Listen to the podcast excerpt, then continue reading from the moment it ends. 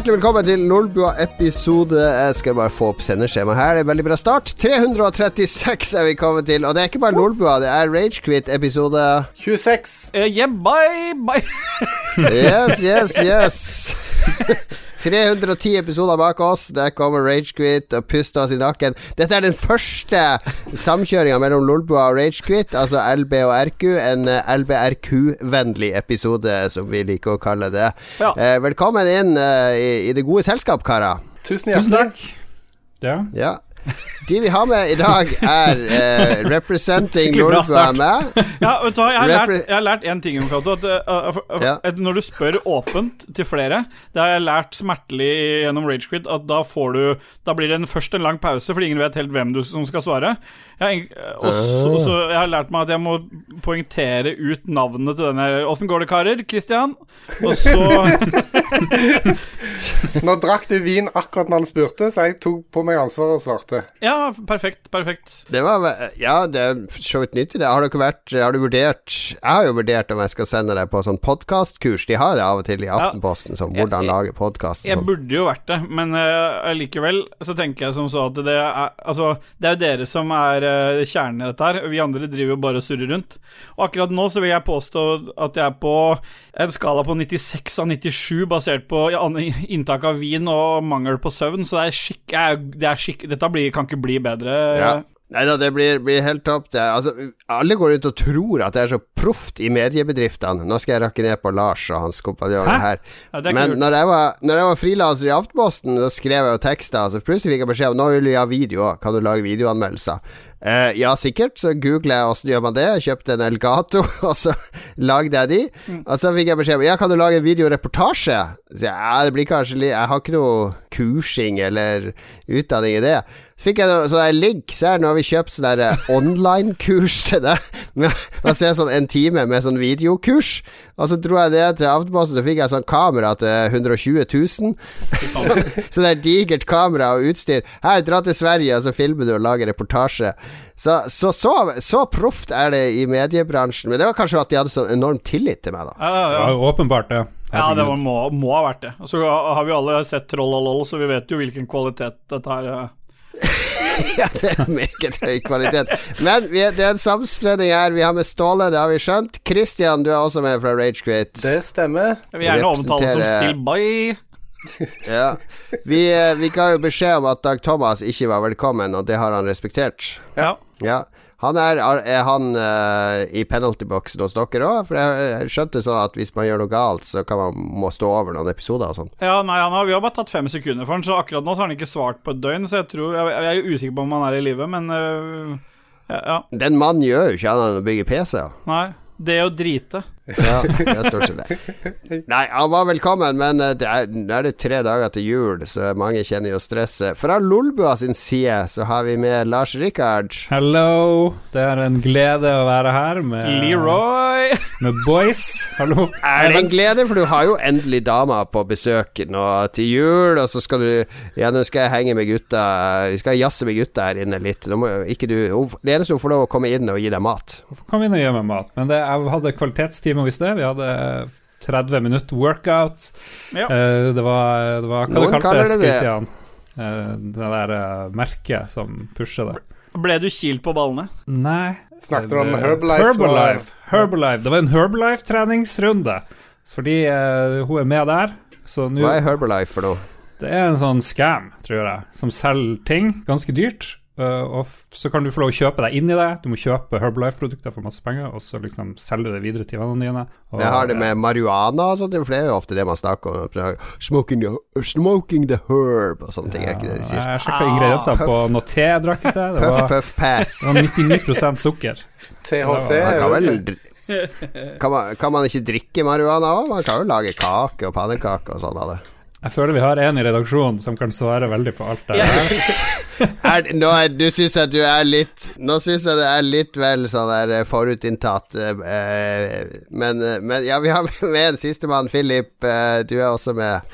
Ja, ja, det er veldig hyggelig å få lov til å være med her på årets, eh, en av årets siste episoder, antageligvis. Og en litt avrunding av både Lolbua-året og spillåret 2020, noe jeg vet at Jon Cato gleder seg til hvert eneste år, så Ja, i år har det, har vært så dårlig så ræva år i år med covid og sånne ting, så har jeg bestemt meg for å vri om og finne glede i Goti-kåringa. Det har vært et ganske bra spillår, så så i år er det første gang jeg faktisk gleder meg til å gå gjennom årets beste spill. Og det er det året vi tar den minst tradisjonelle tilnærminga? Ja, det er en god kombinasjon. Det kan være derfor jeg gleder meg òg, fordi at eh, i år så blir det en kaosutdeling. Vi skal ha kategorier som ingen andre har. Det verste jeg vet, er jo de der etablerte kategoriene. 'Bestemoro på liten skjerm, eller, eller hva heter det? Best action adventure. Ja, ja, vi kan jo ha det, og det kan hende noen har den kategorien. Beste Ja, det, det, da er de utestengt fra å høre på Lolbua. Ja. Jeg skulle ønske vi kan utestenge lyttere, akkurat som du kan på Twitter. Kan du liksom banne folk fra å se hva du tweeter? Vi skulle kunne banne folk fra å høre podkasten vår. Ja, vi trenger litt færre lyttere. Ja, men det er ikke eksklusivitet. Altså Det du ikke får lov til å høre på, det er jo mye kulere enn det du kan. Det du har tilgang til. Så blir det, sånn, blir det en gjeng med sånn undergrunnslyttere som eh, laster ned podkasten ulovlig på torrents og Ja, det er jo drømmen. Ja. Egen, Ja. egen torrent for Lolbua. Apropos drømmen, så eh, må jeg bare si veldig kjapt her at det er jo jul nå. Uh, og en Ja. av mine favorittfilmer er jo Die Hard, som er en julefilm. Det ble jo til og med bekrefta her i forrige uke. Den viste jeg til min samboer, som så den for første gang nå for et par dager siden. Tøft. Og det er jo et eh, vendepunkt i forholdet. Og hun Hadde du ikke sett den før? Nei, hun har ikke sett den før. Uh, en, hun, uh, nei, hun kommer fra kommer, Når du vokser opp i Teheran, så er det veldig tilfeldig hvilke filmer du blir utsatt for å se, og Die Hard er ikke en av de. Eh, men hun elsket den, så forholdet er reddet. Ja, for der blir man utsatt for filmer. Man, man ser det ikke. Man, bare plutselig så er det en film du må se. Nei, bare vent ja, det er selvfølgelig litt av den type greier. Altså, det, er mye, det er mye torrenting, det er mye nedlasting, men liksom, du vet ikke hva du skal laste ned, så du bare laster ned random ting du hører om. Og ja, ingen har fortalt Ja. henne om den før. Nei. ja hva syns Jeg må jo vite dommen, eller sånn. Ja, hun Går kjempe... rundt og sier motherfucker'? Jeg tror til og med hun prøvde seg på én her i, i går kveld, tror jeg. Uh, hun likte den veldig godt, Så som var uh, veldig positivt. To tomler opp. eh, bra.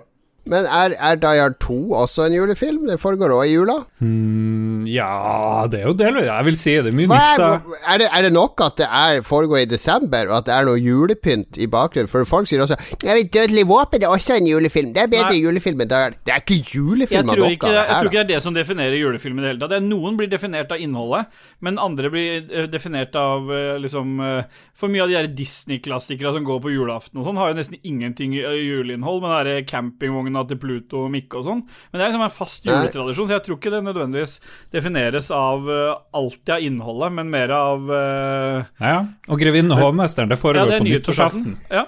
Så, jeg, så jeg tror Ja. det er mer er tradisjon mer enn det er innhold. Men han, er, han John McTernan, directoren på Die Hard, har bekrefta at Die Hard er en julefilm. Ja, Og da er det fasit. Da er det Ja, fasit. John McTiernan har jo også laga Predator med Arnold Schwarzenegger, og den foregår jo i jungelen i jula, på julaften, faktisk. Jeg tror det Det, uttales det står ikke noe predator. sted. Det henger noe sånn julepynt bak i en av de hyttene, så det er jo også en julefilm, vil jeg påstå da. Ser du noen som holder opp en finger? Er det noe? Ja, jeg jeg, jeg, jeg prøver å holde opp hånda. Vi er såpass mange, så jeg prøvde å være litt sånn disiplinert. Så jeg har lært.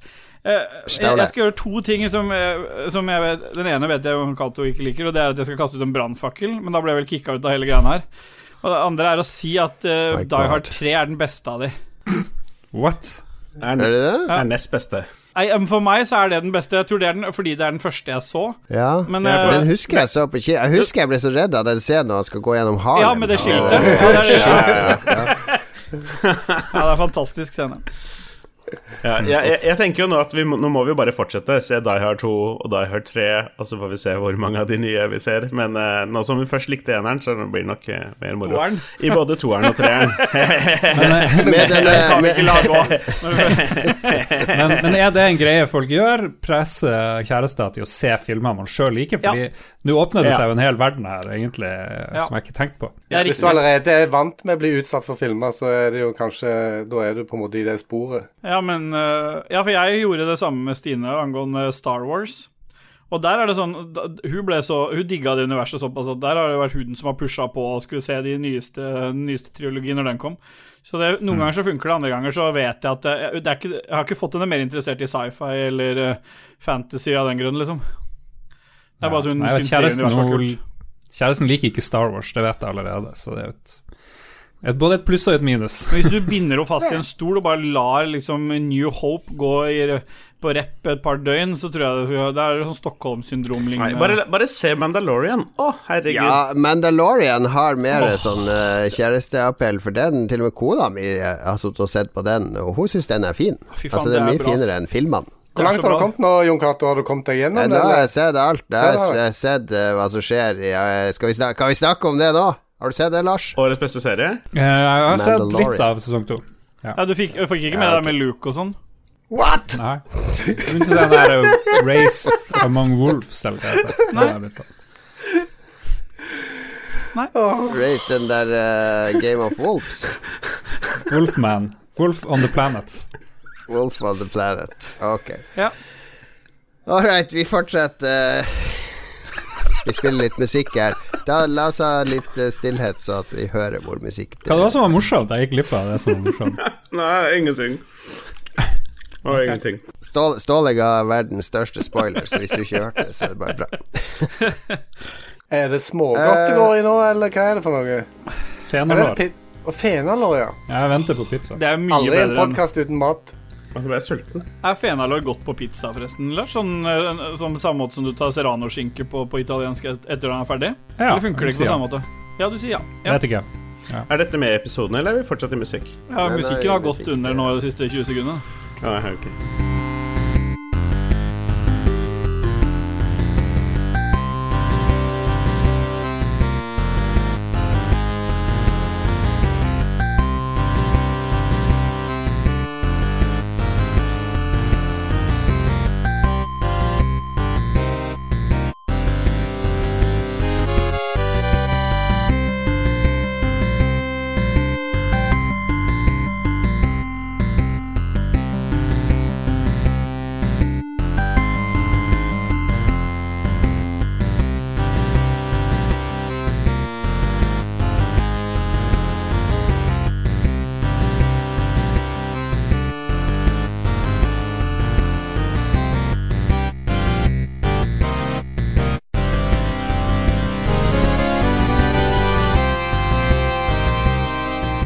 Right, vi er tilbake, og vi skal kåre årets beste spill i diverse ulike categories, som det heter på engelsk. Eh, De har oversatt det ordet categories til norsk kategori.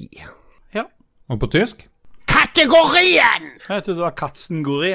På fransk så er det le kategori. Det er jeg helt sikker på å stemme. Le kategori. selvfølgelig. Jeg tror jeg kommer uforberedt til sendinga, Lars. Eh, sånn som vi skal gjøre det nå, er at vi skal eh, kåre årets beste spill til slutt. Men underveis så skal vi kåre i diverse kategorier. Og eh, her er det så mye uoriginalt ute og går. Det er beste plattformspill, beste balespill, beste skytespill Altså, det, det, det er jo fiktive kategorier. Vi liker ikke å putte ting i bås. Skal vi putte ting i bås, så skal vi faen meg bygge våre egne båser. Så vi, vi skal kun ha originale kategorier som ingen andre har, som vi kårer vinnere i. Det er premisset for årets Goti i Lolbua og Ragequit. Er det premisset forstått, Ståle? Jeg har forstått. Jeg bare lurer på en ting. Når du sier bås, er det basert på det bergenske slangen for søppel, på en måte? Bosse? Nei, bås er noe man har i Ja. fjøs. Uh, Det stammer ikke fra det, eller at de har tatt boss? Nei, boss vet jeg ikke hvorfor de bergenserne Nei. sier det. Det er antagelig fordi de ikke er helt For smarte. utenom det, så har jeg forstått reglene. Ja. Oppgaven var jo at vi skulle, vi skulle dikte opp hver vår kategori, men jeg, liksom, jeg tror jeg har tre kategorier. Jeg håper, Ja. Får se om jeg Ja, får da får du slippe til. velge en av de. Nei, nei, jeg kommer med alle. Tving gjennom. Tving gjennom jeg, det, det, Du kan ikke tvinge gjennom, for vi har også ca. 30 kategorier vi har fått fra lytterne som vi skal kåre i. Men det det? Da, da, da, kjære lytter, Lars vil ikke ha dine kategorier. Jeg har tre kategorier, mine kategorier er viktigere enn lytterne sine. Nå vet vi hvem som ikke liker lytterne i Lolbua. Ja. The secret is out. The secret is out. Christian, har du, du, du ti kategorier, eller? Nei, jeg har én kategori. Yes, good boy, good boy. Pluss, jeg skal bare skrive opp. Er du Christian Bo bonus, gjorde bonus, som bonus, han fikk. Det er fordi han har OCD på å gjøre ting og, øh, ordentlig og riktig, og du hadde vært den perfekte nazist. Philip, hvor mange kategorier har du? Jeg vil presentere én. En, ja. Meget bra. Jeg har ikke forberedt noen kategorier, så jeg kan gi en av mine til Lars. Nei, jeg vil ha Jeg har to. Nei, jeg, To, Lars. jeg, har to. Yes. Har kjempemange, jeg òg, men jeg ville liksom være ydmyk for å få poeng, jeg også, når jeg så Christian fikk. Ja, jeg Ok, la oss ta det steg for steg her, se, se hvordan det går. For jeg orker ikke å sitte til over midnatt med kategorier. Det tror ikke jeg Ståle klarer heller. Jo, jo, jo, jo. Jeg er, så, jeg er, på, jeg er på 97 av 97 jeg nå. Jeg må hente en flaske ja, vin til. Ståle, Altså. Ståle si, det er jo du som må klippe, vet du. Ja, det er samme. Jeg tar den med meg på jobb på lille julaften.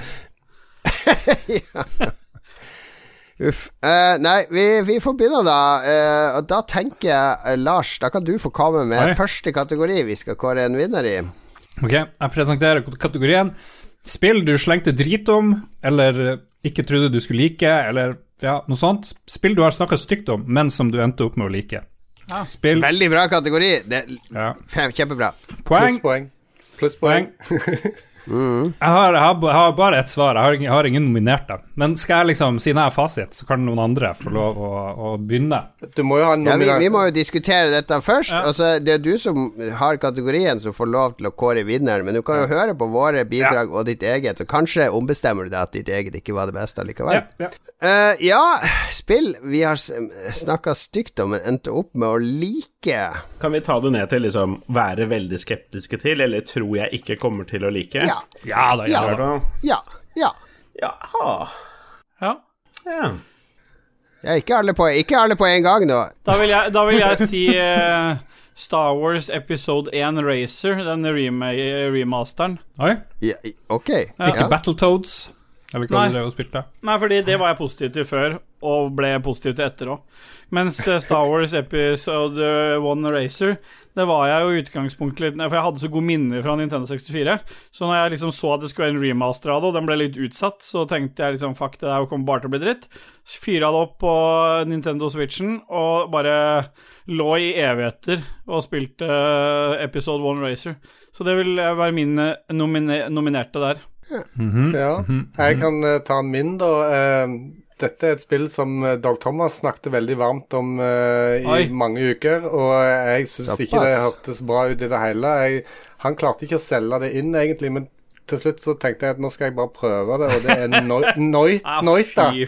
mm. Det var faktisk eh, mer entertaining enn jeg trodde, og jeg har spilt det mye Ja. siden. Ja, jeg, skal, jeg kan ta min, og det er eh, jeg, jeg tror jeg, Ghost of Tsushima var ikke på min radar i det hele tatt. Det var liksom Sucker Punch, eh, som hadde laga Sly, Sly Cooper-spillene, og Infamous, som jeg syns er dritkjedelige spill. Så det er bare det her Du skal bare lage noe sånn japansk tull. Og det endte jo opp med å bli et av mine favorittspill i år, så, så jeg, jeg hadde nok eh, slengt litt med leppa rundt det spillet at det var ikke noe å se fram til før, før det faktisk kom.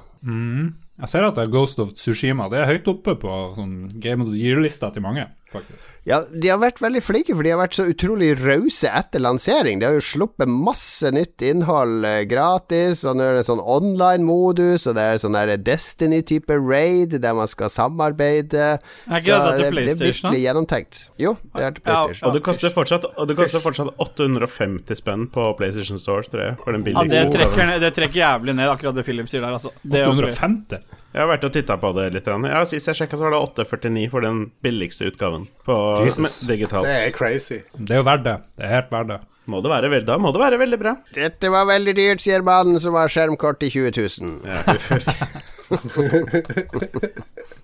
Ok, Philip, har du noe spill å hente fram her? Dette var uh, unektelig litt vanskelig, siden jeg har veldig god radar og smak når det kommer til alle spill. Um, men jeg har litt lyst til å si Half-Life Alex, mest fordi jeg generelt sett har vært eh, skeptisk til VR-spilling i mange former, fordi det ofte er kult for, bare fordi det er noe nytt, og det er VR, men så gir det egentlig ikke spillopplevelsen noe særlig mer.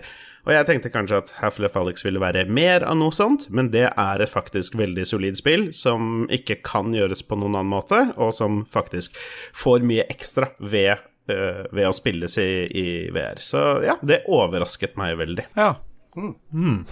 Jeg har kjøpt det, men jeg har ikke fått testa det ut ennå, så jeg gleder meg egentlig til å Nei, sette det er fordi, Hvorfor har du ikke testa det? Fordi noen spiller Angry Birds i stua. Og den videoen av deg spille Angry Birds i VR har jeg fått av din fru. Så det kan jeg godt dele med resten av her, redaksjonen.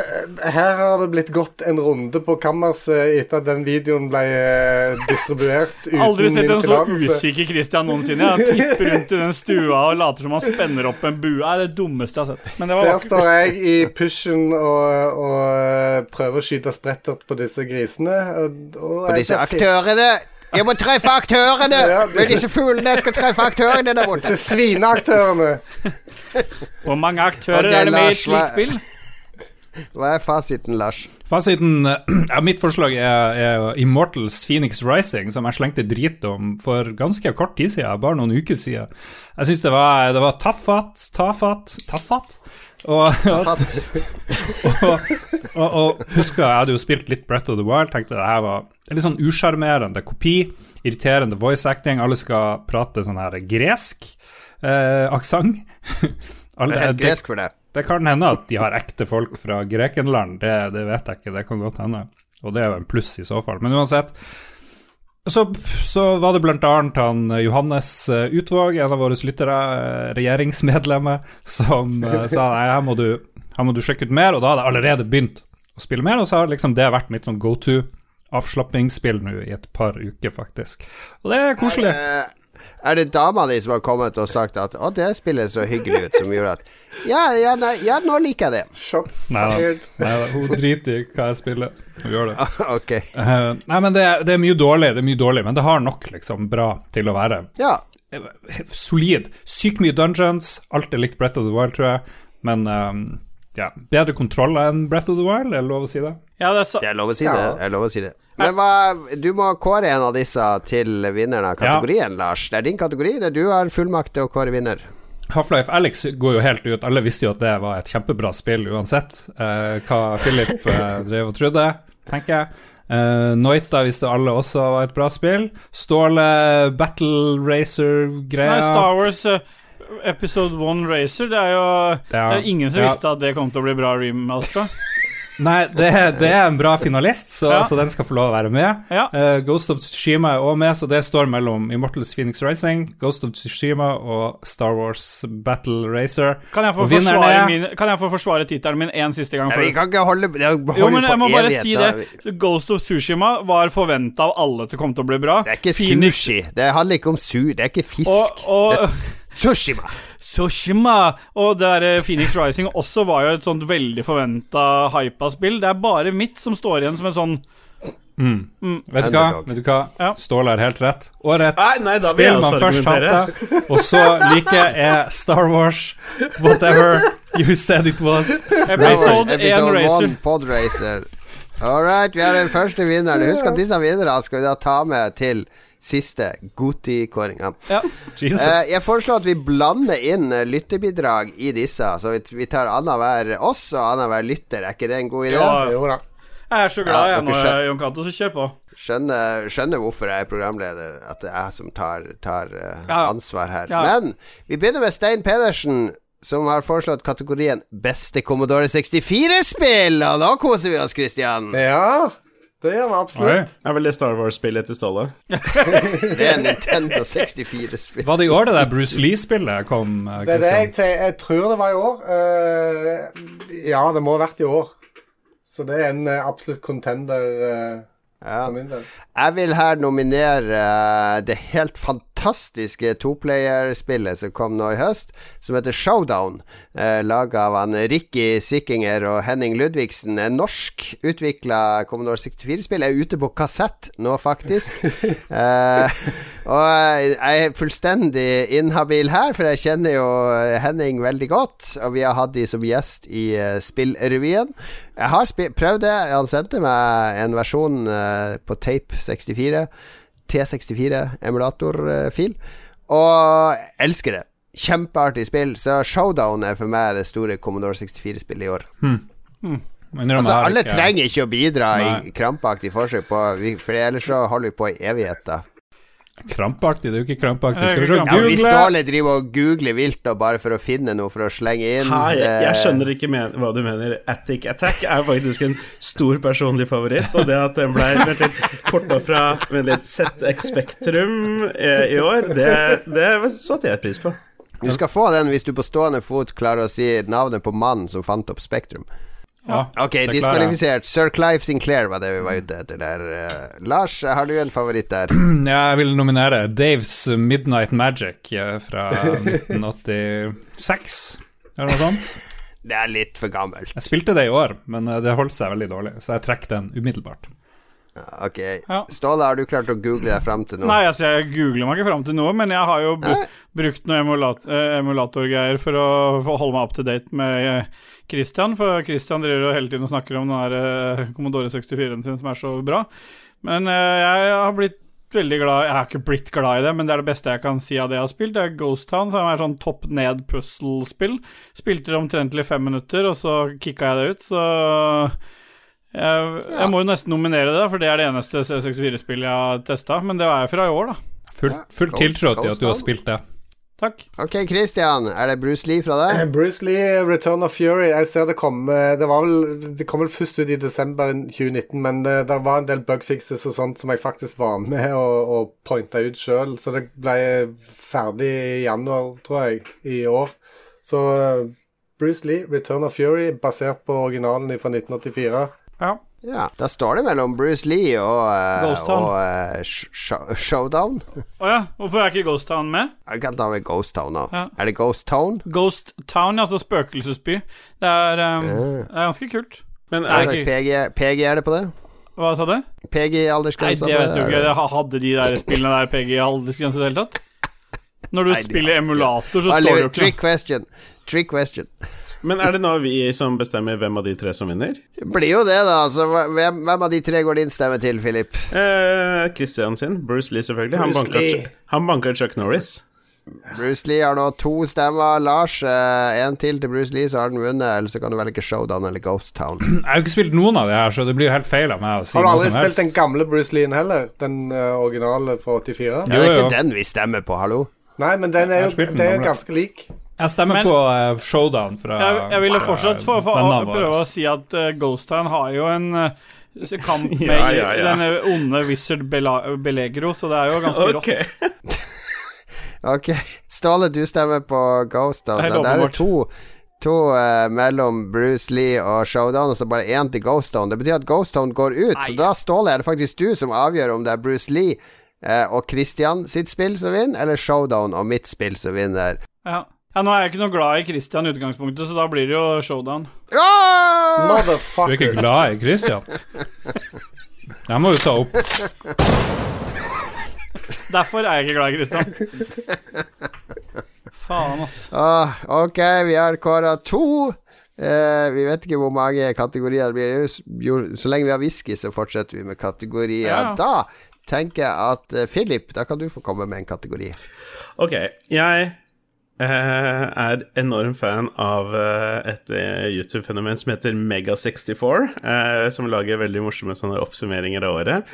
Og no yeah. noe av det de gjør hvert år, er å gå outside the box. Så jeg skal gå litt outside the box, og vi skal kåre årets Google Stadia. Ah, yeah, boy! men det som Nå, nå var Ståle bare 'Du har tatt min kategori!' Men det som er årets Google Stadia Jeg har den som kategori, ja. Fordi, fordi Igjen, dette her er outside the box, så vi skal, skal ikke kåre årets beste spill. Vi skal oh, kåre årets Google Stadia. Hva i 2020 er det som minner mest om Google Stadia i 2019? Altså liksom Ta det litt som du vil, en total flopp eller liksom noe helt unødvendig nå. La meg komme med noen eksempler. Eksempel det at Activision Blizzard De eh, gjorde en avtale med YouTube om å streame all e-sporten sin der, og overhodet ikke på Twitch for de neste årene, noe som er helt megadust å gjøre. Microsoft la ned hele Mixer og flytta alt over på Facebook Gaming, og det er, det er en ganske Google Stadia-ting å gjøre, spør du meg.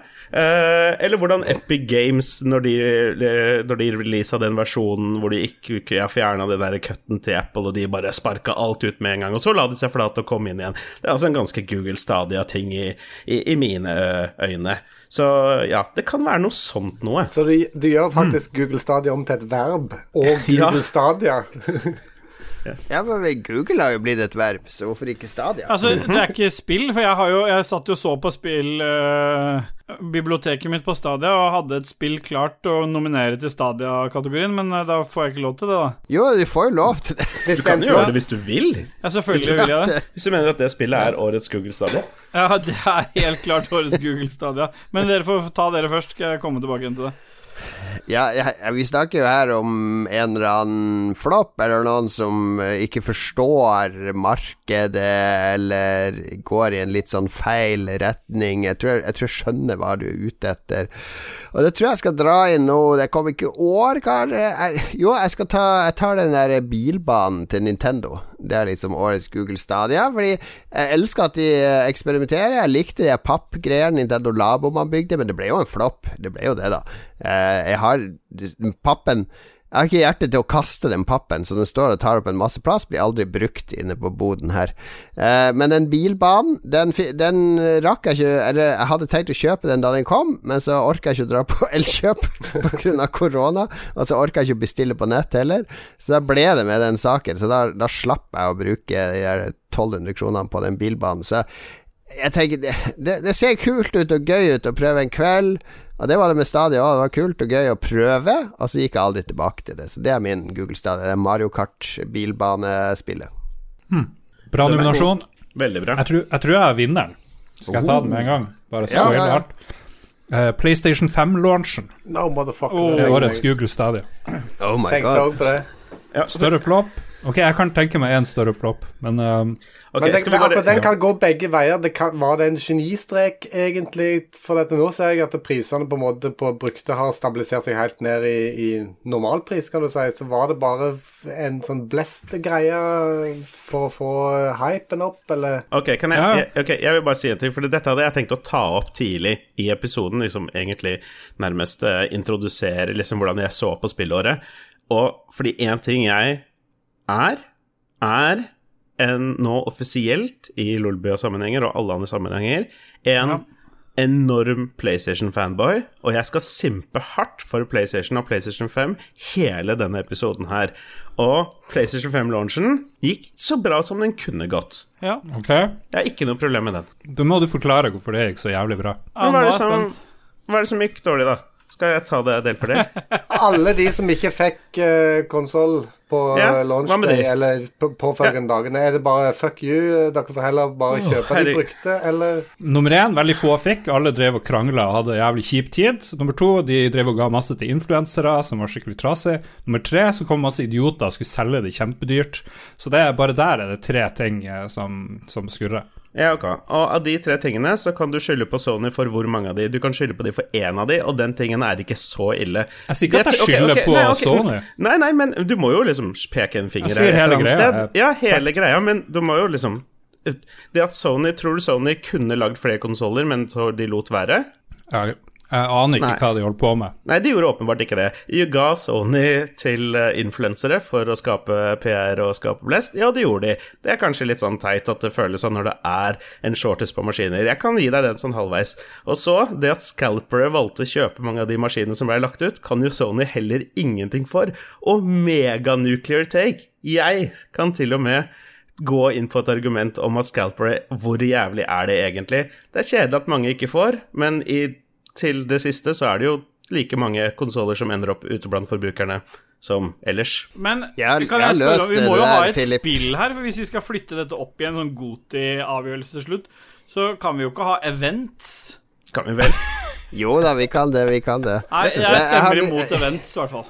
Men jeg er jo bare glad. Game. Event of the Year, det er Goti. Men jeg, jeg har løst det, Philip. Ja. Jeg, jeg syns du har gode argumenter, men her er det sånn vi kan gjøre med PlayStation 6. Oh, ja. Begynn med forhåndssalg. Men for å, med, for å få forhåndskjøpe konsollen, så må du også oppgi hvilken PlayStation Network-ID som skal registreres til den konsollen. Og så kan kun de som har hatt PlayStation Network-ID i mer enn to år, kan kjøpe konsollen. Det blir bundet til din PlayStation Network-ID i et år. Så kan du låse den opp etter du har eid den i et år, og selge den videre hvis du Det vil. jeg liker Du bare, du bare, du bare, Hire me, Sony! Ja, Sony, ja. hire me! Ja, Hire det, me! det er kjempebra. Du bare kun mulig å forhåndsbestille via PlayStation Store, hvor du må være innlogga med brukeren din, og da får du den på døra på releasedagen. Jeg liker at du kjører, o releasedagen, jeg liker at du bundet din Obos-modellen. PlayStation-ID. Ingen skalping, ingenting. Nå, nå er det mange som lager dummy-kontoer allerede når de har fått Det denne ideen. ha ideen. vært registrert i Ingen vet jo om det her nå. Du vet jo ikke før forhåndsbestillinga kommer. Jo, men du, det, det, nå har du, gitt ideen Du har, du har avslørt ideen ut i markedet, så folk Nei, kan gå gå fordi episoden her er ikke klippet og ute ennå, så det her kommer jo Ståle, det her må du klippe bort. Ja. Men, men, men uansett, da, bare for å runde det litt sånn derre- Hele den der PlayStation 5-greia, det er sånn Ja, det hadde vært kult hvis flere fikk konsoller, men hvis alt skal være så jævlig krise, så må du nesten liksom si hvem gjorde noe gærent, og ja, det det er sånn Xbox de var det nok av til at alle fikk kjøpt, fordi det er ikke like stor interesse.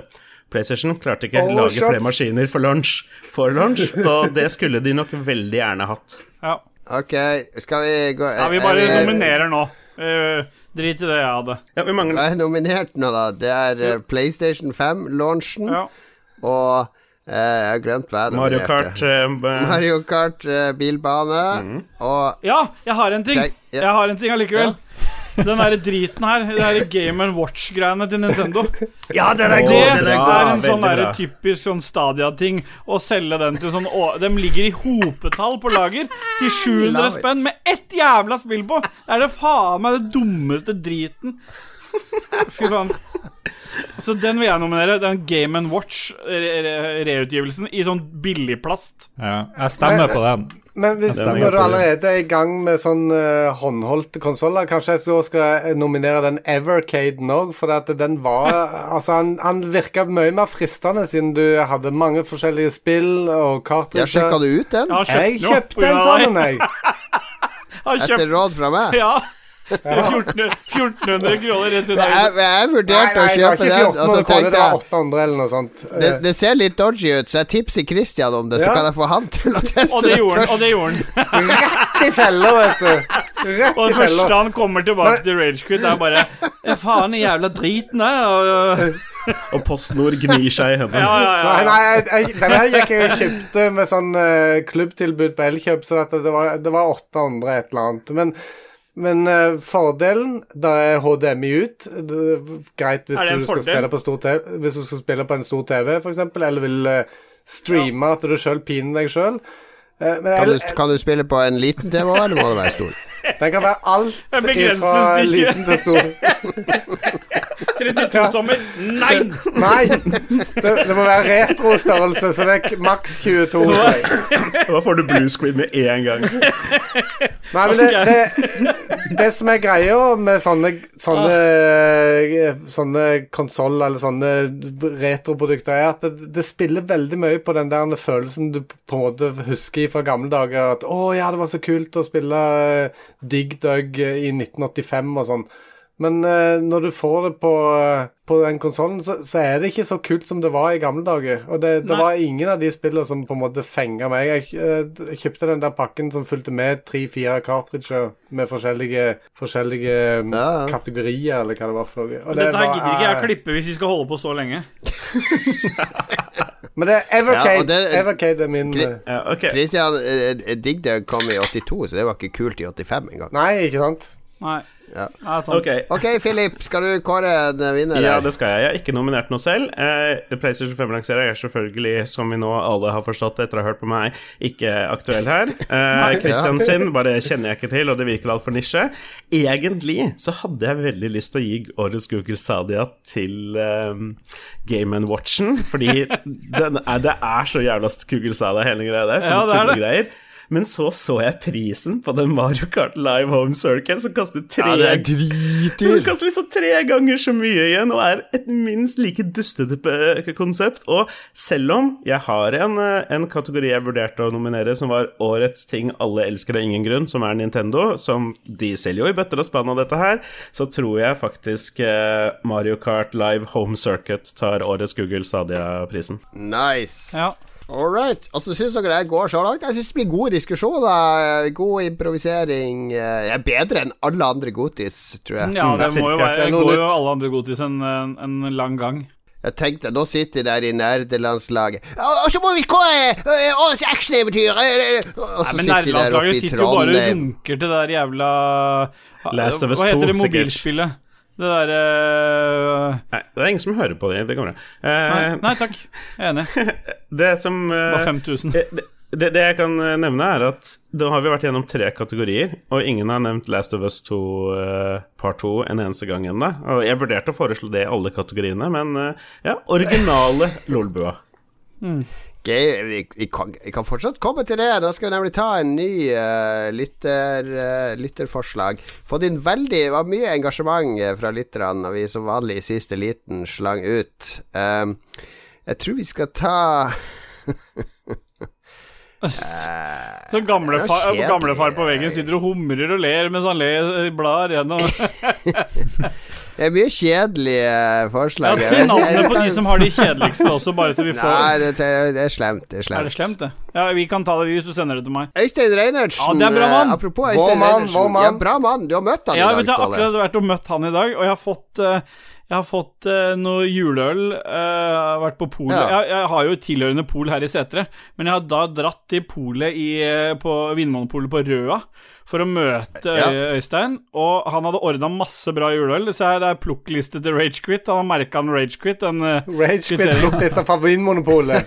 Eh, og så fikk jeg også en, eh, en surøl-juleøl med gløgg. Den er jeg veldig spent på. Oh my God. Det er kirsebærsurøl med blanding av gløgg. Han sa den kan være varm. Ja.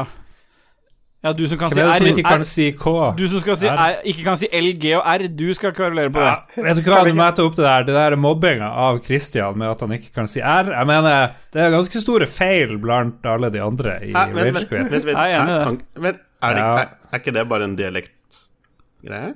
Jo. Jo. Det er en dialektgreie. Jo, Men, det er ja. ikke. Det er jo en Hvis, dialektfeil, hvis da. Christian hadde vært fra, fra Pakistan, så hadde du ikke trodd Det heter ikke jeg, det heter jeg. Du hadde ikke sittet og gjort narr av det da, ikke sant? Jo, det kan fint hende. Men han har ikke sagt jeg. Jesus okay, Christ. Men Øystein Reinertsen, eh, god mann, god mann, jobber på Vinmonopolet Rød. Jeg skjønner hvorfor du dro dit, Ståle, for det er der det smittetallet er lavest i Oslo. Ja. Så der er det tryggest å, Der var de bevege seg rundt. utrolig flinke med munnbind. Jeg ble, ble stolt helsepersonell når jeg gikk inn der. Ja, nei, de er, flinke flinke stort sett i hele Oslo akkurat nå, er det inntrykk av. Men Reinertsen, han, eh, han, han sier at han har sitt Goti, det har han delt med oss. Det er Yakuza Like a Dragon. Er det noen her som har spilt det? Det er på min liste. Det er liksom Yakuza-spillet som er mer RPG Kan vi adressere det der tullete Yakuza-greiene en gang for alle? Fordi det der, i den der runkinga di av det er Yakuza-serien, det er bare noe tull. Det er, for det første er det Altså, det er PS3-grafikk i dag. Kom igjen, da. Det her får du ta i en. Ragequit-episode der jeg ikke er med. Det her er det jeg som bestemmer, Ståle. Ja.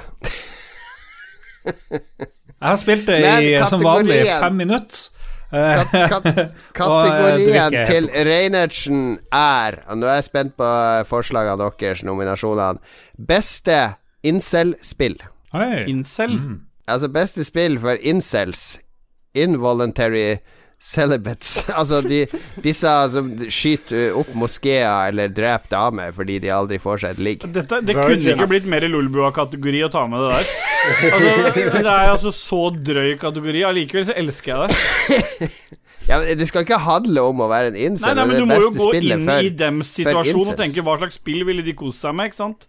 Det ble ikke noe Det ble ikke lagd noe spill av uh, The Joker, The Movie, The Game eller noe sånt? Joker er den store incel-filmen. Ja. Ja, ok, så vi må finne litt sånn machospill, kanskje. Ja, da, jeg har Ja, en lar de leve ut et sånn der eh, Ja. forelda maskulint ideal. Uh, ja. Jeg har en eh? Jeg vil gjerne starte med min. Og der vil jeg faktisk gå tilbake igjen til Mario Kart Live Home Circuit, bare for å være asshole tilbake igjen. Hvis du først har gjort det greiene, så syns jeg du skal bli levert med Mario Kart Live Home Circuit, og så skal, du, må du sitte inn på den cella og drive og kjøre rundt imellom sengene og dassen og håpe på det beste. Så det er min nominering. Ja, vi skal se at det blir årets spill. mange, hvis du vinner så mange priser. ja. Men jeg er enig. Det, det, hvis du er incel og begår ugjerninger og havner i fengsel, så burde det være det eneste spillet du får spille. Jeg syns det er faktisk god nominasjon. Eh, Lars, du, hva er din nominasjon? Um, først vil jeg bare si Jeg har liksom ikke helt skjønt det der incel-greia. Man bruker det som et skjellsord, men er det noen som er stolt incel, og som kanskje ikke skyter moské? Som, Ja, altså Greia er for de som dere som er fra bygda, ikke Ja. fra urbane strøk, sånn som oss andre, og henger med på begrepet incel. Kulturen er liksom Det er menn som prøver å sjekke damer, blir avvist, de er litt usikre på seg sjøl. Altså, sikkert mange av oss kan, kan kjenne oss igjen i det her. Uh, jeg snakker ikke om deg nå, Philip. Ja, ok. Ja. Eh, og, og så, og så bygger det seg opp en sånn bitterhet om at ingen dame vil ha meg, osv. Og, så og så havner du i et sånn hull på nettet der det sitter andre menn i samme situasjon. Og så blir du dratt inn i Du blir nesten radikalisert. Bruker masse begreper om blue pill, red pill og, og, eh, terminologi som gjør at det blir mer en slags sekt enn en kult, og at eh, kvinner er onde, og alfahanner og ditten og datten. Og så for noen av de så det blir sånn heiagjeng, koke over, ta hevn, drepe noen, skyte en moské, osv. Okay. ok, Ja, ok, det, det, det, det ligger mye i den at de, er, de lever i sølibat, men ufrivillig. Det er samfunnet Ja. sin skyld. Fordi ingen damer vil ha dem, fordi damer er dumme og går etter uh, folk som Philip, i stedet for en sånn, sånn uh, øm og snill og varm person som meg, så vil de ha sånn barsking som Philip. Som er, eh, De vil ha drittsekker. Damer skjønner ikke sitt eget beste. Jeg føler jeg har funnet noe gull her eh, til, Ja. til kategorien. Vi må selvfølgelig til Kina. Kina tror jeg det er veldig lite åpenhet rundt, rundt Incels. det de her eh, incel-folkene driver på med. Jeg tror de embracer Hvis det er et land som embracer incel, så er det Kina. Nå er jeg drev og generalisere en milliard mennesker, men ok. Det er jo Det er ingen av de som hører på Lolbua. La oss si myndighetene i Kina, da. Myndighetene i Kina De er sikkert mot, uh, mot alt det her. Så jeg tror Genshin Impact, lagd med Kinas velsignelse Mye damer med store pupper, Ja. uh, ingen brodd sikkert i det hele tatt.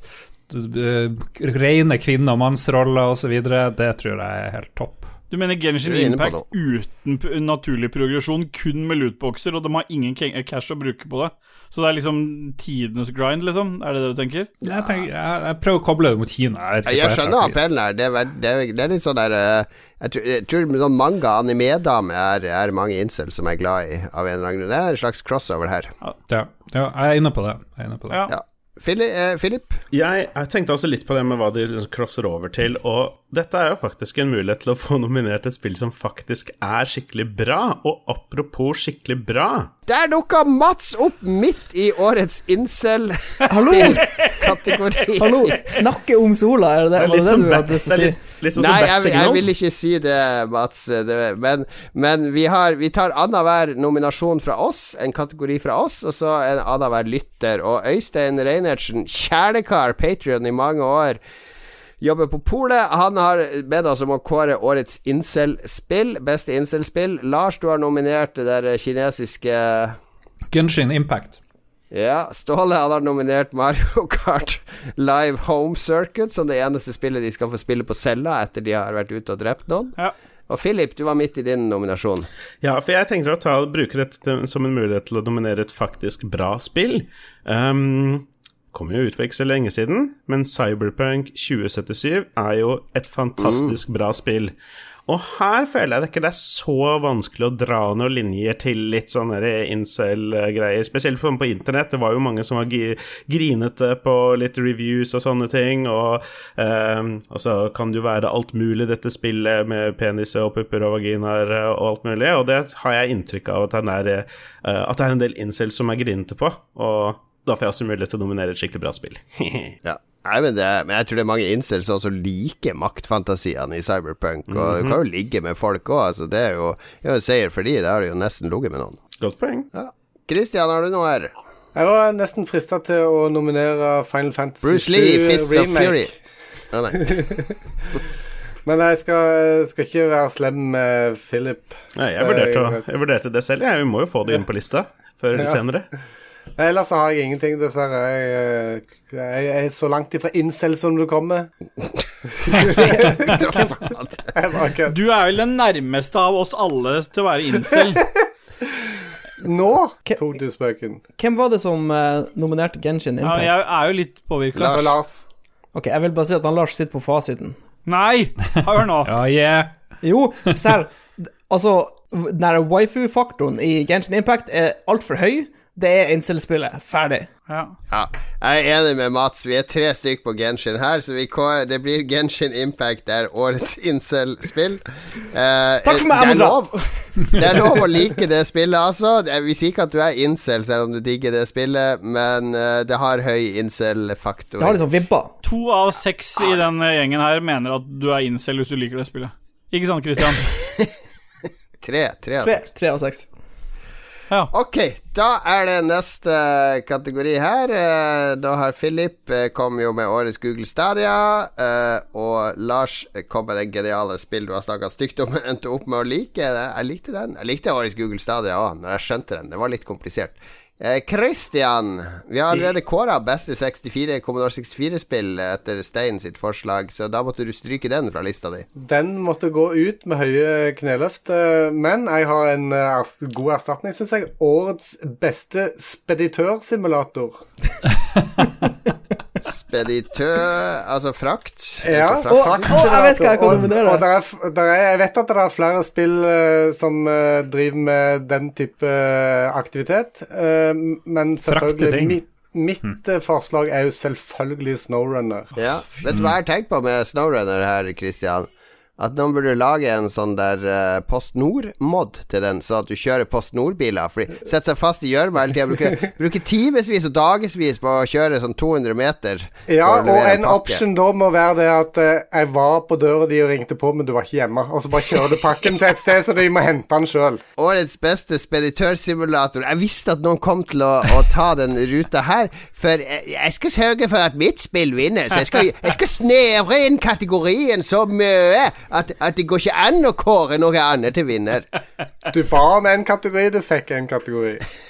ja, det er bra, det. Ok. Snowrunner er jo da dette gjørmekjøringsspillet, der du kan kjøre deg fast i gjørme og snø. Biler med verdens dårligste firehjultrekk, og ganske dårlige dekk òg, som står og spinner og spinner og spinner og spinner. Og spinner. Jeg har et spørsmål. Jeg har ikke spilt Snowrunner. Er det Ikke gjør det. Ikke gjør det. Nei, det er ikke kvikksand. Det er det ikke. Ok.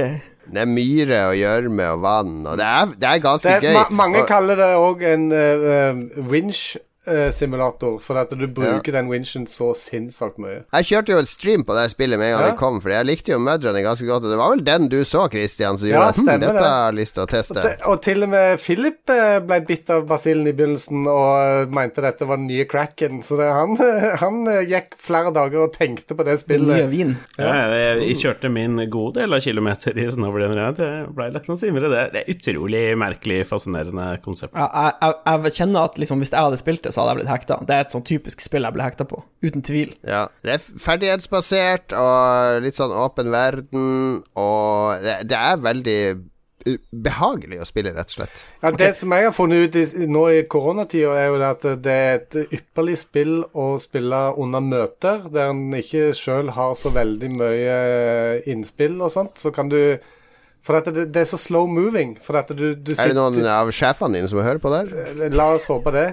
Eh, Men jeg har fremdeles eh, ikke hatt noe problem med å svare på spørsmål. sånn, For Ja, men det, det går så sakte at det, du, du klarer fint å multitaske, liksom. Ja, og pluss plus at i, i Christian sin IT-verden så er det bare en bonus å kunne multitaske. Hvis han kan spille et spill og være med på et møte, så er det jo bare en god, en god karakter. ja, ikke sant? Evne. Ok, vi må jo ha andre nominerte her òg, så jeg skal ta og nominere Det er ikke fra i år, men det kom svære oppdateringer i år, og nå kommer det en gigasvær en nå straks, rett rundt hjørnet, nemlig Elite Dangerous. Som også er en, en superkompetent uh, speditørsimulator, der du basically frakter varer i verdensrommet. Du kan også du kan også mine, f.eks., men da må du frakte det du miner gjennom verdensrommet. Du kan frakte passasjerer, du kan frakte Du kan fange cargo som ligger og flyter etter et slag, og, men det, alt handler om å Stort sett om å frakte ting. Du kan også Altså, jakte de kunne, de kunne kalt det Elite Space Trucker og vært Ja. 100 Det er det. Det, det er store likestrekk med, med Eurotruck Simulator og de Ja. spillene der, bare foregår i verdensrommet. Og det spilte jeg faktisk i går senest. Jeg har jo denne uh, Samsung Geni-skjermen, så jeg prøver mye spill nå i, eh, i ultra widescreen for å få uh, nye opplevelser, og det funka veldig bra i ultra widescreen. Har den kommet? Den har ikke kommet en oppdatering av hvor du kan gå rundt på planetene og er sånn, være Nei, det er den som er rett rundt hjørnet. Ja. Ser veldig spennende ut. Det Ja. blir jo mer og mer eh, Star uh, Ja, Citizen. altså, de seiler Ja. opp som en, en skikkelig konkurrent. Nei, jeg, jeg har, det er lenge siden jeg har spilt Elite nå, jeg må hive det inn, men jeg elsker Ja, det er et kult spill. For de som er nysgjerrig på Elite, så har vi et par sånne uh, Lolbua-videoer med Elite uh, Dangerous Masterclass, der Lars oh, og Mats tror- eh, prøver du, å, fly hvis- fra stasjon til hvis- stasjon. Hvis du kan Elite Dangerous og ser på den videoen, så tror jeg du får, du får fysisk vondt i kroppen. Du kommer til å ha lyst til å Du vil bare se bort og lukke igjen øynene, liksom. Det er forferdelig. Er det noen andre som har noen nominerte? Jeg har faktisk en til, hvis jeg vil, vil fylle inn for noen. Jeg tenker, jeg tenker um, Det var et spill som eh, kom på konsoller i fjor, men kom på Steam i år, og, eller PC, beklager. Uh, Death Stranding. Det er jo en, må jo være en speditørsimulator. Ja, den er høyt på lista. I høyeste grad. Det er, I og med at jeg er så ofte involvert med speditører, så er det flere som har eh, sagt at det spillet må jo være perfekt for meg, fordi at du går og drasser Ja, har du spilt det? Nei, jeg Har har ikke det. What? Har ikke, har ikke det. Det er jo, du kan sikkert bearbeide noen traumer der. Ja, da, da, kunne du veldig- ting uten å klage på en måte etterpå. Jeg syns det er et veldig godt forslag, Mats. Jeg har, jeg har også et Jeg vet ikke om det, det er helt innafor, men jeg tenker et spill som går på å levere og plassere ting. Det er jo selvfølgelig Tetris Effect, Connected, som kom til Xbox i år. Ah, Ja, Der er det veldig mye speditøraktivitet, hvis du ser det på den rette måten. Jeg tenker på et spill hvor du utelukkende frakter deg selv fra et punkt til et annet punkt. Eh, det er selvfølgelig Fall Guys Ultimate Knockout, som utelukkende går på da ja, speditere deg selv fra start til mål. Ikke når det er sånn her uh, fotball, og det er ganske mye modes. Det er ja, ikke det- bare speditøring. Jeg hadde håpa ingen huska det. Men, men, men, jo, men, jo, men vet du hva? Når det er fotball, så skal du jo frakte ballen inn i målet. Ja, ja, ja, ja. Mm. Ja. Nå er Christian ute, la oss forte oss å kåre det her mens han er ute. jeg, jeg vil også nominere i siste liten, det er egentlig fra 2019, men Wilmots Warehouse, et fantastisk indiespill, top down lagersimulator, der du skal faktisk rydde lageret, det det går ut på, sortere ting på lageret, og så kommer det folk og ber om ting, og så må du klare å finne det igjen. Eh, og det er bare sånn abstrakte, kvadratiske eh, symboler du sorterer, så du må tolke symbolene, og så lage et system sånn at du klarer å finne det igjen. Fordi mot slutten av spillet så har du over 500 forskjellige symboler sortert i det gigantiske varehuset ditt. Og da må du vite at når han ber om den der greia som ligner på en trompet, en, eh, kobla til en bæsj så ja, den er lagra der nede, på instrumentavdelinga eller avføringsavdelinga eller whatever. Jeg vet ikke om juryen må tilkalles om det er lov å nominere et spill som kom ut eh, og ikke kom ut på noe som helst måte i år, det, men det høres ut som et veldig Men det, det, kom, det kom inn i våre hjerter i 2020. det, ja, Ok. Nei, jeg går imot det, på vegne av Ragequit-redaksjonen. Ja, mens, men dessverre, mens dere var ute, så bestemte vi at Fall Guys vant denne kategorien her. Så det Ja. går fint. Vi kan gå videre til lytterinnspill. Nei da, vi, vi skal uh, Christian, hva, hva sier du? når du har hørt mye bra her nå. Elite Dangerous, du har hørt Death Stranding, uh, du har hørt eh, Fall Guys, Tetris Effect. eh, Tetris Elite, Effect. Elite Dangerous er et spill som jeg har på en måte hatt på radaren og har hatt lyst til å teste. Og du sier at det nå har kommet eh, oppdateringer som gjør det enda bedre, så det Kommer vil jeg jo straks teste. en Men, men, megastor oppdatering. men jeg, har lagt ned ja, Det er vel en 350 timer i Snowrunner, så jeg må si Snowrunner. Jeg må være så uh, narsissistisk at jeg tar min egen nominasjon. Right. Right. nominasjon. Det, det, noe annet hadde, hadde jeg blitt sur på deg for. Så mye, dri- så mye du har snakka om det spillet. Og så mye dritt jeg har tatt fra de andre i Ragequit-redaksjonen fordi jeg spiller det så mye. Årets beste speditørspiller da kåra Snowrunner. Skal vi se hva neste lytterkategori eh, blir? Men uh, Jon Cato, kan jeg spørre om en ting? Den musikken som nå begynte for 20 sekunder siden, som går under her nå, skal den bare fortsette, eller skal vi stoppe den? ja, la oss høre litt musikk, Ja. og så kårer vi neste.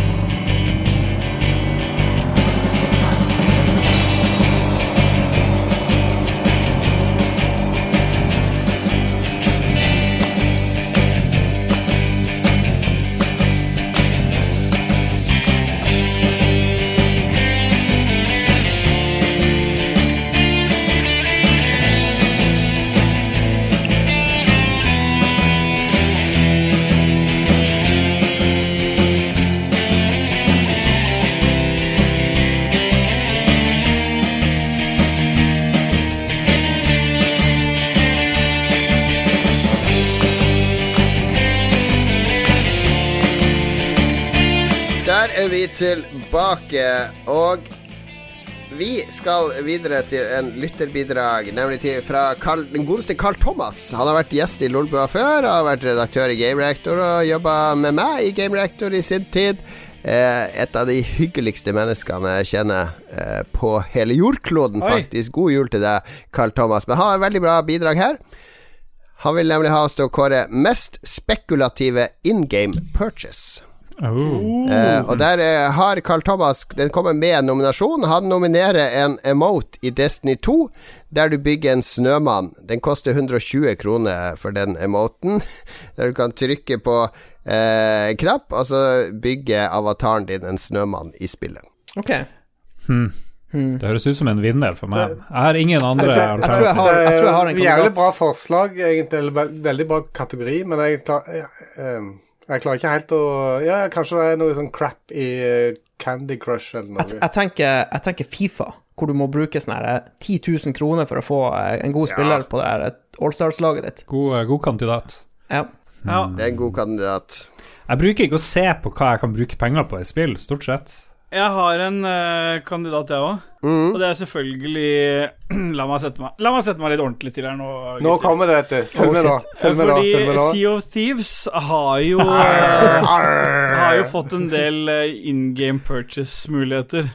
Og det siste tilskuddet der er en nissedrakt med der du ser ut som et skjelett for 120 kroner. Eh, og I utgangspunktet så kunne du ikke tro det slår den andre, men i og med at de allerede har begynt å bygge opp rundt en del historie og law i det spillet, så ødelegger hele den Ikke bare tar de masse penger, men de ødelegger lawen for hele spillet ved å introdusere det som en, en uh, mulig kjøpbar uh, skin.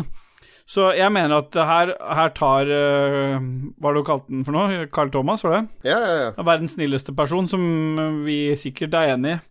Uh, ta feil. Altså, en snømann er jo koselig, kan du godt betale 200 kroner for, men en skjelettnisse som du ikke kan bruke mer enn bare en måned, halvannen i hvert år, det, det, den snømannbygginga kan jo bare se kult ut. Så jeg, jeg mener Altså, at eh, så du mister den, eller kan du, kan du gå med den hele året? Nei, du kan selvfølgelig gå med den hele året, men jeg mener at den åpenbart uh, skiller seg ut som Den en passer ikke i, i påsken, liksom.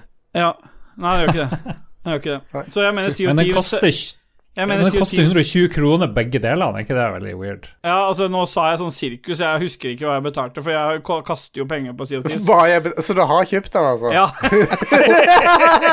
Jeg kom, jeg, kom, eh, jeg kom plutselig på at vi må jo selvfølgelig nominere Star Citizen her, for de har jo bare absurd mye rart du kan bruke penger på. jeg hører hva Ja, er Mats sier der nå. Altså, i Star, i Star Citizen så kan du bruke Du kan bruke sånn 10 000 dollar på et sånn digitalt romskip i et spill som ikke har kommet ennå. Hvor mye er det Dag Thomas har brukt til nå? Jeg vet ikke. På det spillet? Sikkert Jeg, penger. jeg skal komme penger. med en litt eh, kontroversiell uh, eh, nominasjon her. Uh, nå må Philip bare mute seg. Oi. Fordi hvis du ser på finn.no som er et slags spill, der du kan drive og søke og google, så går det an å kjøpe PlayStation 5 der for 25 000 kroner. Det vil jeg si er ganske spekulativt in app purchase. Ja. Ja. Der må jeg støtte Philip, altså. Den tror jeg vi må vrake. Disse scalpers de ser jo på det her som et spill. Yes, jeg bruker skript, går inn, får tak i varer, selger de, fortjeneste, profit. Men da er det rent varesalg, det er ikke en in game-greie. De selger ikke en tilleggsting, Ja, ja, ja. ikke sant? De selger ikke kontrolleren for 1500, for det kunne vært en in game purchase i tillegg til, men det er konsollen i seg selv som, er som, som må regnes som spillet. Så jeg må nok dessverre øhm, vrake deg der, altså. Livet er et og- spill, står Og i det. dag, er, i dag er du vel en narr hvis du kjøper en PlayStation til den prisen der, for dette, til og med på det scalper-markedet så har det vel stabilisert seg ned til en 7000-8000 eller noe sånt, har det ikke? det? Ja, det går fortsatt vel bare- rundt ni, men ja. Jeg bare veldig kjapt fortelle, jeg har en fetter. Han er, eh, han er ni år gammel. Han har eh, kreft i alle kroppsdelene sine. Hans største ønske var å få spille PlayStation 5, men han er inne til behandling type sånn hele tiden. Så det han gjorde, var å spare opp 25 000 kroner. Sånn at han på første uka PlayStation 5 kommer ut, kan få seg en PlayStation 5. For den eneste muligheten han har for å få seg en PlayStation 5, det er å kjøpe den fra en scalper, siden han ikke har mulighet til å sitte og FM-e sammen med oss andre på releasedagen. Se inn i øynene til lille Kenneth og si at han ikke skal få lov til det. Du, den der troll og lol-spalten der kunne du fått lov til å tatt sammen med Jon Cato i level up. Det der, det der Jeg støtta deg helt fram til du begynte med tralalal. Er det kreftmedisinen som gjør at han ikke klarer å trykke på FM? Nei, han er inntil behandling. Ok, ja. Det er ganske dårlig nett på sykehuset. Jeg vil, ja. jeg vil nominere Solitaire på Windows 10. Som før bare du kunne spille. Nå må du faktisk se på en, eh, en, eh, en reklamevideo først for å få lov til å spille Solitaire, med mindre du vil kjøpe, betale eh, halvannen dollar i måneden osv. Fast. Fast. Er det såpass? Er det det? Må du betale What? for å spille Er kabal? Eller ti dollar for et, for et år. Det er en soleklar vinner. Vi trenger ikke ja, ja, å diskutere. Nei, det er. Er det er den. solitær på Windows 10. Kabal blitt payware? Pay to win-kabal. Og likte du ikke det kortet, du kan betale to dollar, så får du et bedre kort. Jeg trodde vi skulle få inn Sea of Thieves eh, i godtid i år òg, men nei, nei, eh, nei, nei, nå skal vi ha en Sea of Thieves-fri godtid. Fuck you, jeg har ikke hatt min kategori ennå. Jesus lord, solitaire er altså ødelagt. All right. Beklager, Karl Thomas, det ble ikke Destiny-moten. Det er faktisk solitaire. Har de sett sitt snitt til å loppe sånne der, eh, gamlinger som sier De spiller ikke dataspill, men de har jo Windows og en, en PC for å følge med på nettaviser og sånn. Altså, jeg liker jo å legge kabal. Og så har de sett, sett sitt snitt av disse dumme gamlingene. De bare trykker og betaler og ser, ser reklame. Er det bare reklamer for sånn voksenbleier og sånn, eller er det for alle mulige produkter? Jeg har, ikke spilt så det, mye, jeg har ikke spilt så mye av det selv, for å være helt ærlig. Han, han ser ikke reklamene, for han har allerede, betalt dette. Så Ja. da forsvinner De ti reklamene. dollarene rett ut. Ti dollar for solitaire. Jesus da, det er for et år, da. Er det, er det limited for et år? Er det ikke lifetime? Dette er det verste er sjukt. Dette er sjukt. Jeg har gjort research. Det er eh, 1,48 dollar i måneden eller 9,99 i året for premiumversjonen av Solitaire. Jeg tror vi sletter Det er sånn månedsabonnement. 1 dollar 49 i måneden. Det er som World of Warcraft. det er det dummeste jeg har hørt. Lord. Et st- stor upkeep på å holde solitaire i gang hos Microsoft, tydeligvis. Får han noe DLC, liksom? Eller Ja, kan men Vi skal ikke si noe om det, liksom, for vi har fått uh, årsabonnement av hun i Xbox til å fortsette med Solitaire. Ok, veldig, veldig bra. Da tenker jeg vi kan ta Ståle sin uh, kategori. Ja, men jeg, jeg må få lov til å ta to i løpet av den sendinga her. Ja, du skal få en til. Ja, Så lenge du klipper, så skal du få to. Det er greit. Fordi da må jeg begynne med den eh, kategorien som står mitt hjerte nærmest. Det er en litt lengre tekst for å sikre en Har du, hvis du har laga noe sånne greier nå for at det kan bare bli Sea of Thieves Spill, eh, Beste spill som er lagd av Rare Studios og handler om Nei, sjørøvere. det er ikke så gærent, men jeg har nok pekt dere i retning. Det er beste tilbakevendende spill med tegneserielook og kontinuerlig gratis delseere, og det er fra min side Sea of Thieves, da. Men det beste tilbakevendende spill. Ja, fordi at det er jo hele tiden eh, Det kommer noe nytt innhold hele tiden. Er Gratis DLC-er, og det er eh, litt sånn Satt en definisjon at det må være litt sånn tegneserielook. Da vil jeg nominere Destiny 2. Um, Ja, det er helt greit, det. Ja. Ja. Videre. Er det noen andre? Mats, du har snakka om Borderlands tidligere i dag. Å ja. Ja. Gjorde jeg det? Ja. Når vi snakka sammen på telefon. Ja. Ja. Nei, jeg vil ikke nominere Borderlands. Borderlands, for det er et jævla drittspill. Ja. Og han Randy Pitchford burde, burde kastes ut av spillindustrien. Jo, jo snarere, jo bedre. glemte vi Det glemte vi i incel-kategorien. Det hører egentlig hjemme der. Ja. ja, men det er, ikke, det er, det er sånn, det er sånn me mediocre, så det er, passer ikke der Jeg, kan, jeg kan ikke med god samvittighet uh, nominere, nominere Borderlands. Nei. Så det vil si, det jeg mener med kategorien, da, for å spesifisere det, er at det trenger ikke ha kommet ut i år, men det må, komme, det må være et aktivt spillende spill. Som f.eks. World of Warcraft har jo alle de elementene her. Kan du, Ja. si, kan du si bare kategorien på nytt? Beste på- tilbakevendende spill med Jeg har prøvd å bruke norske ord, da.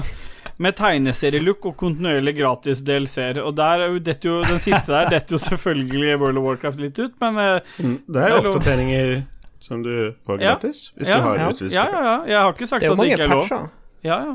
Hva med Path of Exile? Er det innafor? ja, ja. Det er jo gratis. Og så Ja. har det masse gratis Dere må gjerne. Det er komme med forslag, men jeg skal velge endelig vinner. jeg føler tegn...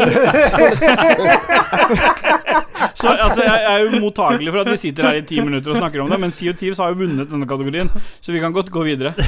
Ok, ok. Ja. okay Nei, men, da går vi eh, videre. Jeg vil uh, nominere, bare for ordens for protokollen, så vil jeg nominere Genshin Impact. Ja. Genshin Impact er tatt med i protokollen, og Ja. ikke, Hva var vinneren da, Ståle? det ble Sea of Thieves. Oh, Noen har rigga systemet her. it's rigged. Ja, er, men det, nå, nå legger jeg merke til hvem som har uh, kun tenkt mi, mi, mi, mi, mi.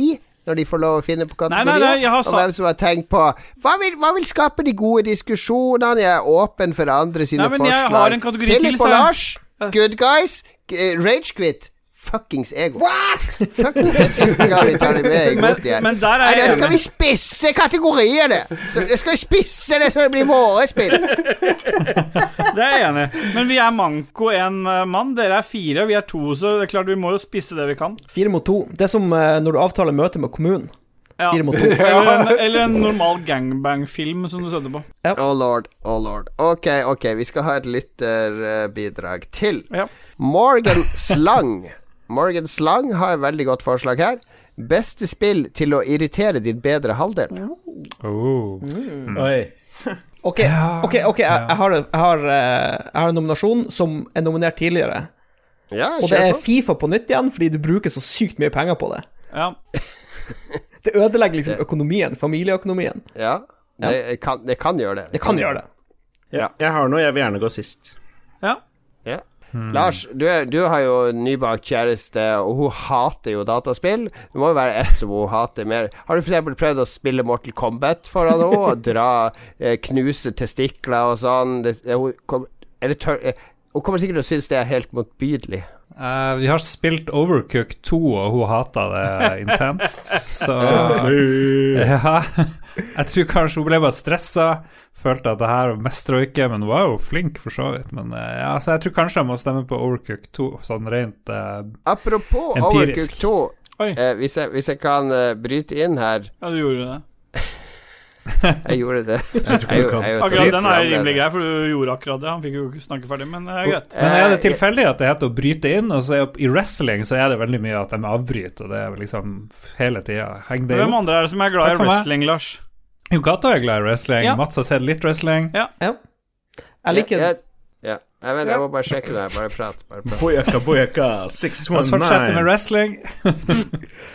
Åh, Jeg liker, jeg liker sånne, sånne meksikanske wrestlere, sånn luchadores. Ja. Luchadore. Vi har en Ja, norsk er wrestler på legevakta i Oslo, faktisk, som jobber som øh, syk, som sånn øh, vekter der. Hvem, hvem da? Hvem da? Hva heter han? han? faen, jeg husker ikke hva han heter. Er jævla artig type. Fordi det kan jeg si, ass. Det, det må vi gjøre med Lolbø en gang.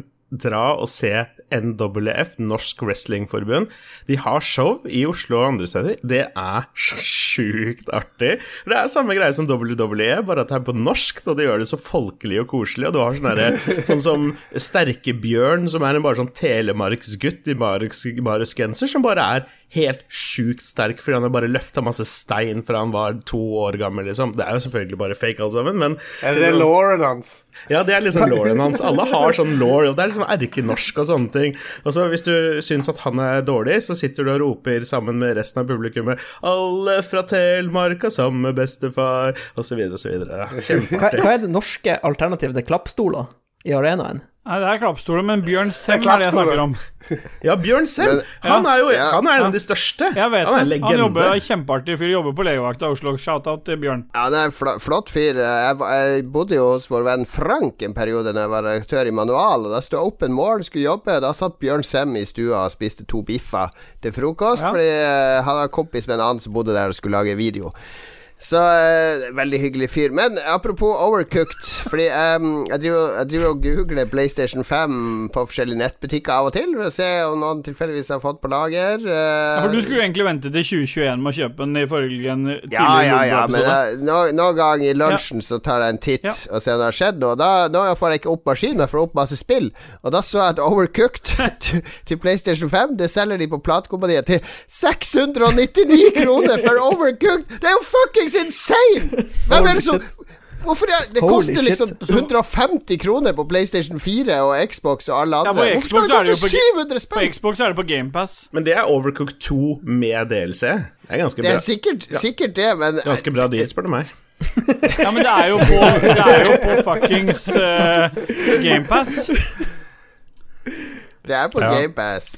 Ja, for a Big ja. Adventure på platekompaniet 799. Det er 100 kroner dyrere for Sackboy enn Overcooked. Herregud. Men eh, hvorfor kommer vi ikke vi det er flere nominerte i denne kategorien? Ja, Jeg er Hvis spent. spill til å irritere din bedre halvdel.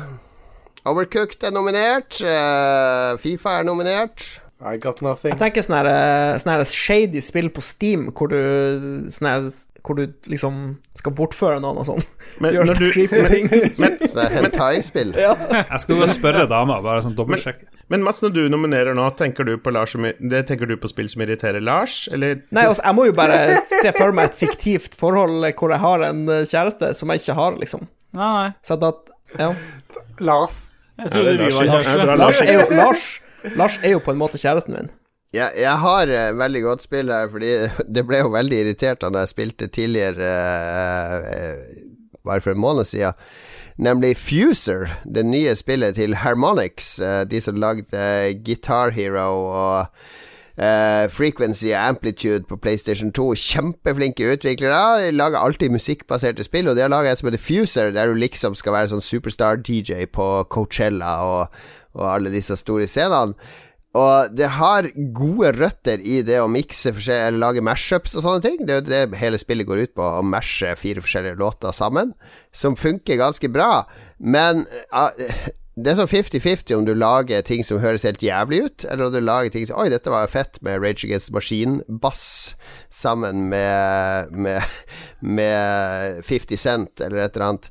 Men når jeg spilte i stua på Switchen med, Jeg må ha lyden litt høyt, for jeg må jo late som jeg er DJ, og kona mi driver og jobber med ting Bare fy faen, kan du Den der musikken du driver og lager nå Herre, da blir, da blir jo rett og slett sur. Så Fuser er Jeg tror ikke det er noen spill som har irritert kona mi like mye. Nei, da har jeg, da har jeg et, faktisk. Jeg òg. Mm. Da, Jeg kan bare update. Jeg var spurte kjæresten hva hun blir mest irritert av, så får hun ikke med seg hva jeg spiller noen gang, men det der overcooked, da blir hun bare sur, så, ja, så jeg holder ved det. Ja, takk. ja. For min del så blir det faktisk Destiny 2. Eh, fordi Og den, da må det jo bli den siste delelsen, siden det har kommet en i år. Men eh, det er den eneste gangen Jeg er ganske tålmodig kone på mye, men det er, den e det er de eneste gangene når jeg, hardt, når jeg har vært dypt inne i Destiny 2, at jeg får pes, rett og slett, for spillinga mi. Så jeg må nominere da, det, da, det forstår hun ingenting av. Og de timene som går ned i bare å sitte der og kjøre strikes på strikes eller et eller annet sånt noe, det er de eneste gangene jeg har liksom fått blitt kalt Kalt inn på teppet. ja, jeg, jeg, jeg Faktisk, jeg òg har ei kone som er veldig um, forståelsesfull med spilling. altså, Ja, hun sender jo men, bi- filmer og alt mulig. Ja, shut the fuck up. Og så uh, hun um, Det eneste spillet du ikke skjønner helt hvorfor jeg, eh, hvorfor jeg gidder å holde på med, det er jo Snowrunner. Men eh, jeg føler ikke at det er verdt å nominere det engang. Jo, jo, jo, selvfølgelig. Det er bare å si at du skal gå pro, Christian. Ja, jeg skal det. Nora vinner next. Ja. Men skal, jeg- skal jeg dele den her eh, videoen etter hvert, eller? Du trenger ikke dele den videoen. Det, Sendte du den til deg privat? Ja, ja. Med masse Og Ståle lattersmileys. bare, Ståle bare «Eh, og jeg elsker deg'. eh, videoen. Christian i pysjamas i stua som sånn litt usikker vestlending som Med, prøver å med, i- med VR, selvfølgelig. Dette var, jeg sto ikke der og spilte Snowrunner. Dette var Ja, det er nydelig. Spar den til hytteturen, Ståle. Ja. Ragequit blir bare mindre og mindre podkast og mer og mer swingersklubb, høres det ut som. Eh, Det er vel kanskje det som var planen hele veien, så det er kanskje like greit, så Før jeg nominerer right, gode, gode nominerte Fifa. Bruk opp alle pengene. Fuser. Lage helt jævlig musikk til tider. Destiny 2. Hvorfor bare sitte og bruke så mye tid på det? Eh, ja, hva flere hadde vi? Snowrunner, Overcooked. hvis han skal være med. Overcooked fordi uh, hun stinker i spillet, antakelig. Snowrunner. Jeg vet ikke hva, hva skal vi jeg, kåre her? jeg har jo Ja. nominasjon, og før jeg nominerer den, så vil jeg bare si at jeg sitter her med whiskyen min og prøver å holde, prøver å holde tritt med Jon Cato, og først nå la jeg merke til at det er cola han har drevet og helt oppi, så jeg tror jeg er Det er ikke cola, det er ikke cola, det der. Oi, det er både whisky og Åh, er Det er wow. ma- makkøl. Okay. 40 Hei. begynner makkøl på nordnorsk øl. Okay. 40 makkøl. Ok. Ok. Hvis dere i det hele tatt klarer å på en måte sette dere inn i det jeg nå skal prøve å forklare, så tror jeg denne vinner.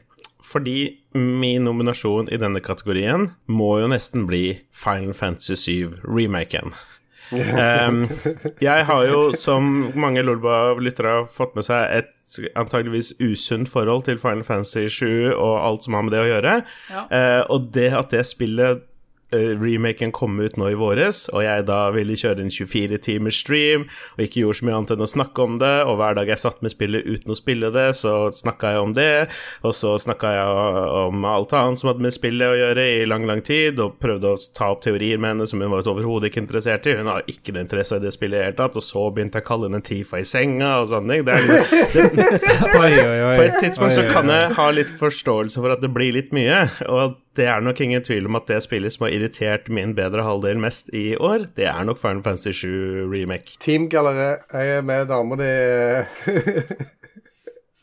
Ja. Hva er det du sier for noe? Du er med Nei, dama? ja, altså, bare, jeg heier på hun når det gjelder Klassisk uh, cake, det å drive og skulle være med andres damer. Eh, Sånn det starter.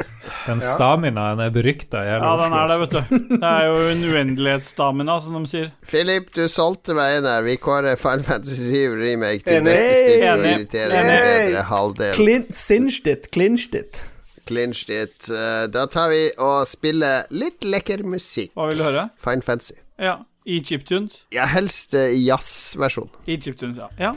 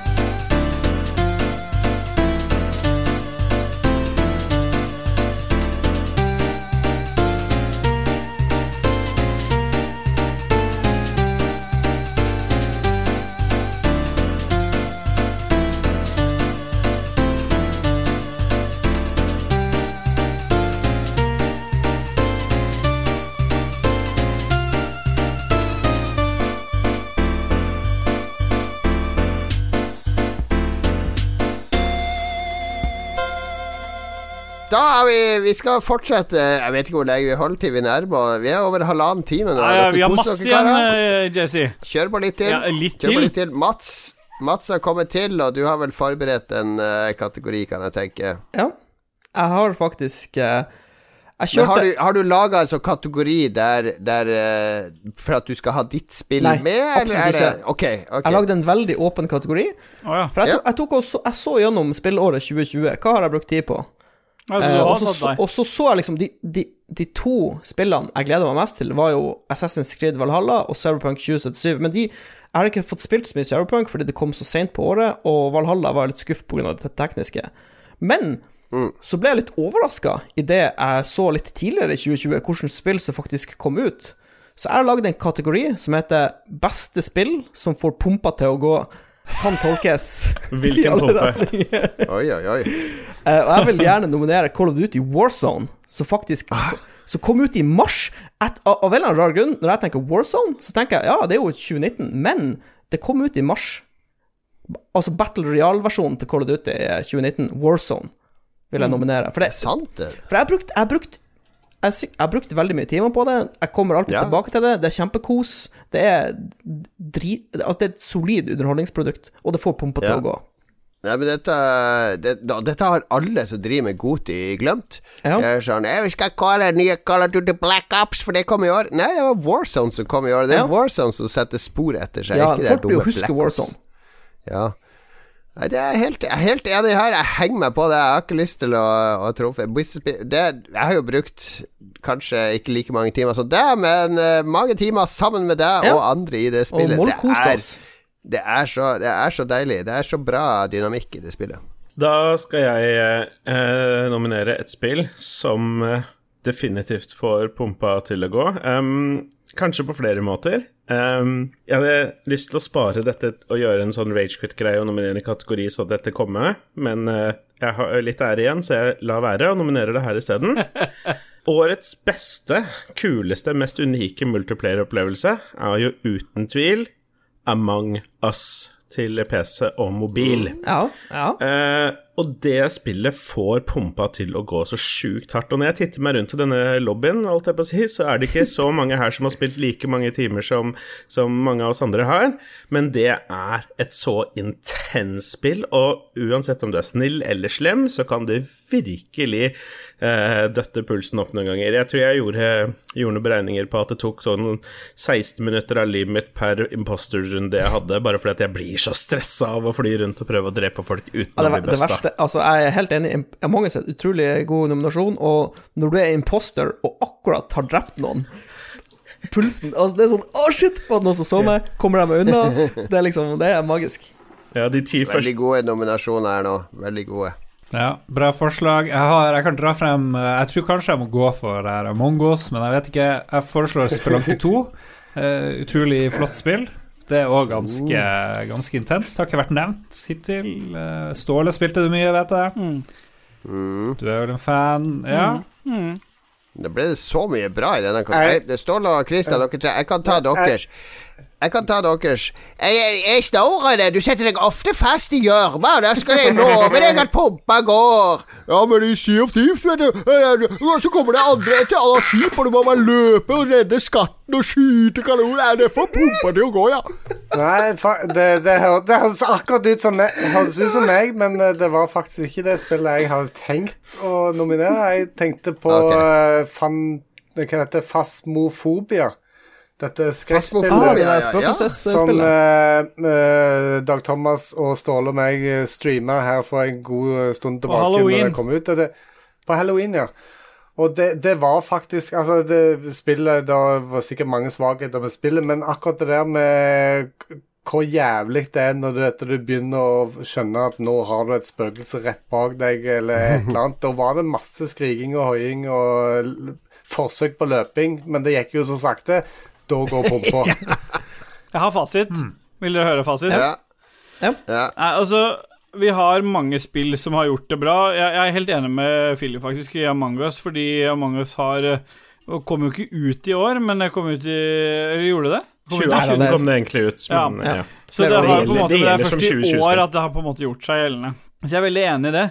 Men eh, det er på en måte et spill som hele tiden vokser og vokser og vokser, og det er eh, Og jeg, det er, det er Altså, jeg, jeg skjønner jo at dere har masse, masse interessante kandidater, men eh, med tanke på hvor mye de har jobba med of Thieves, så syns jeg det blir feil å ikke nevne det som og, og jeg hører jo at Jon Cato på en måte prøver å flåse det bort, men det der å stå på en eh, skute når eh, du har skuta full av lut, og du skal helst levere og jeg som har spilt en del med sønnen min, og en kompis av sønnen min, så jeg har to som Han ene syns det bare er gøy å holde i kista.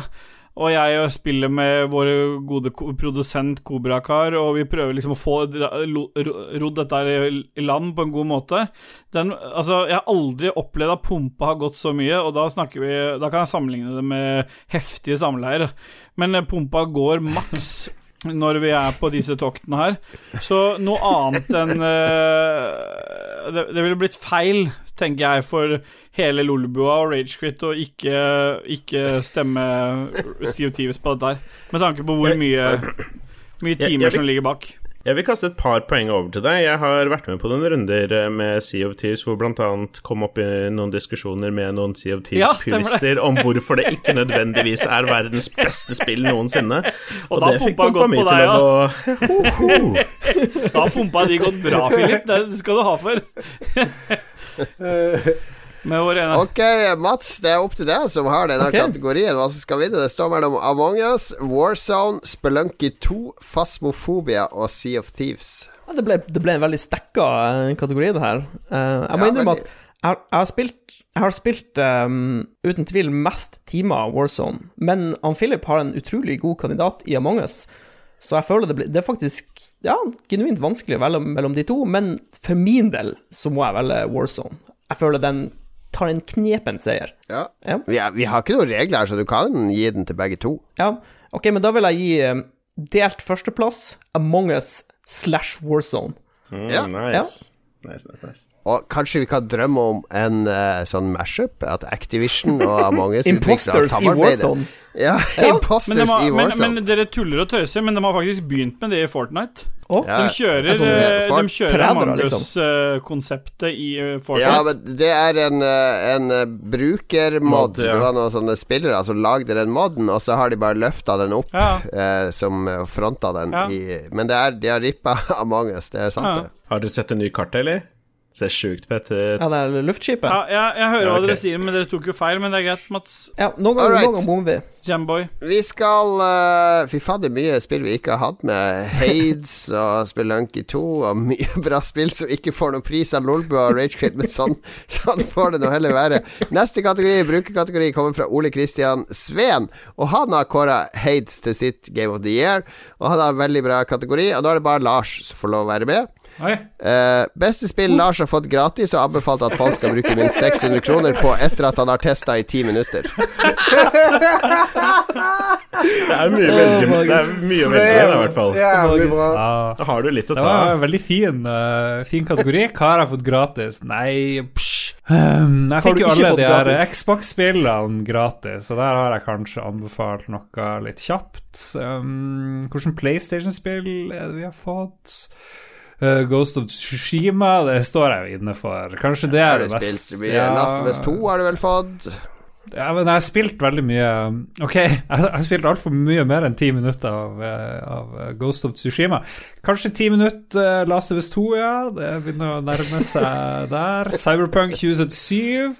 Jeg er vel ikke anbefalt det, det kan ikke jeg huske. Nei, ikke ennå. Ja, nei, ok, kanskje det blir Last of Us eh, 2.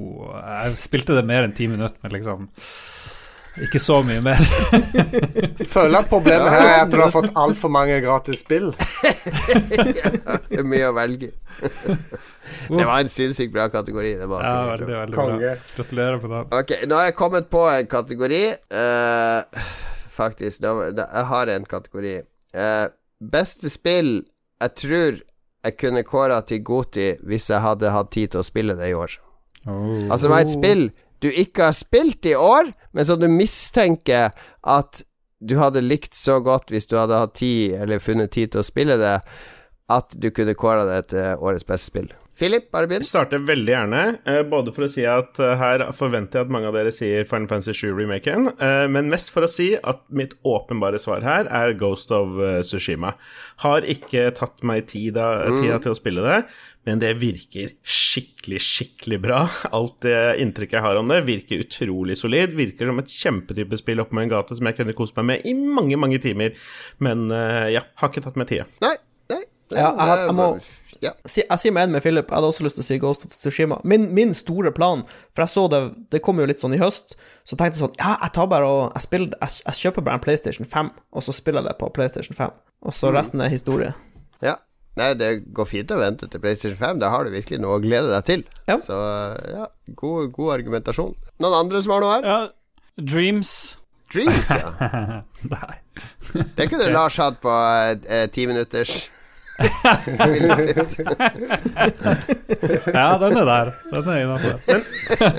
Men, men Mats, Mats Ja. du skal ikke ta og nominere Cyberpunk isteden? Det virker som et spill som du ikke har hatt tid til å spille ennå, men du hadde Ja, men skikkelig, likt skikkelig Jeg har en sånn, jeg har en sånn bisarr klage på Cyberpunk 2077. Jeg vet ikke når det har skjedd, men av en eller annen rar grunn så har de ikke en keybinding for toggle Emda down sight, bare hold. Altså default-binden er at du må holde inne knappen for å sikte.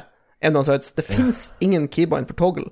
Og jeg i, i de siste 20 årene i skytespill så har jeg spilt med toggle sight, og det finnes i alle skytespill, bortsett fra Cyberpunk. Så jeg, jeg sliter. Det er, ikke, det er ikke et skytespill.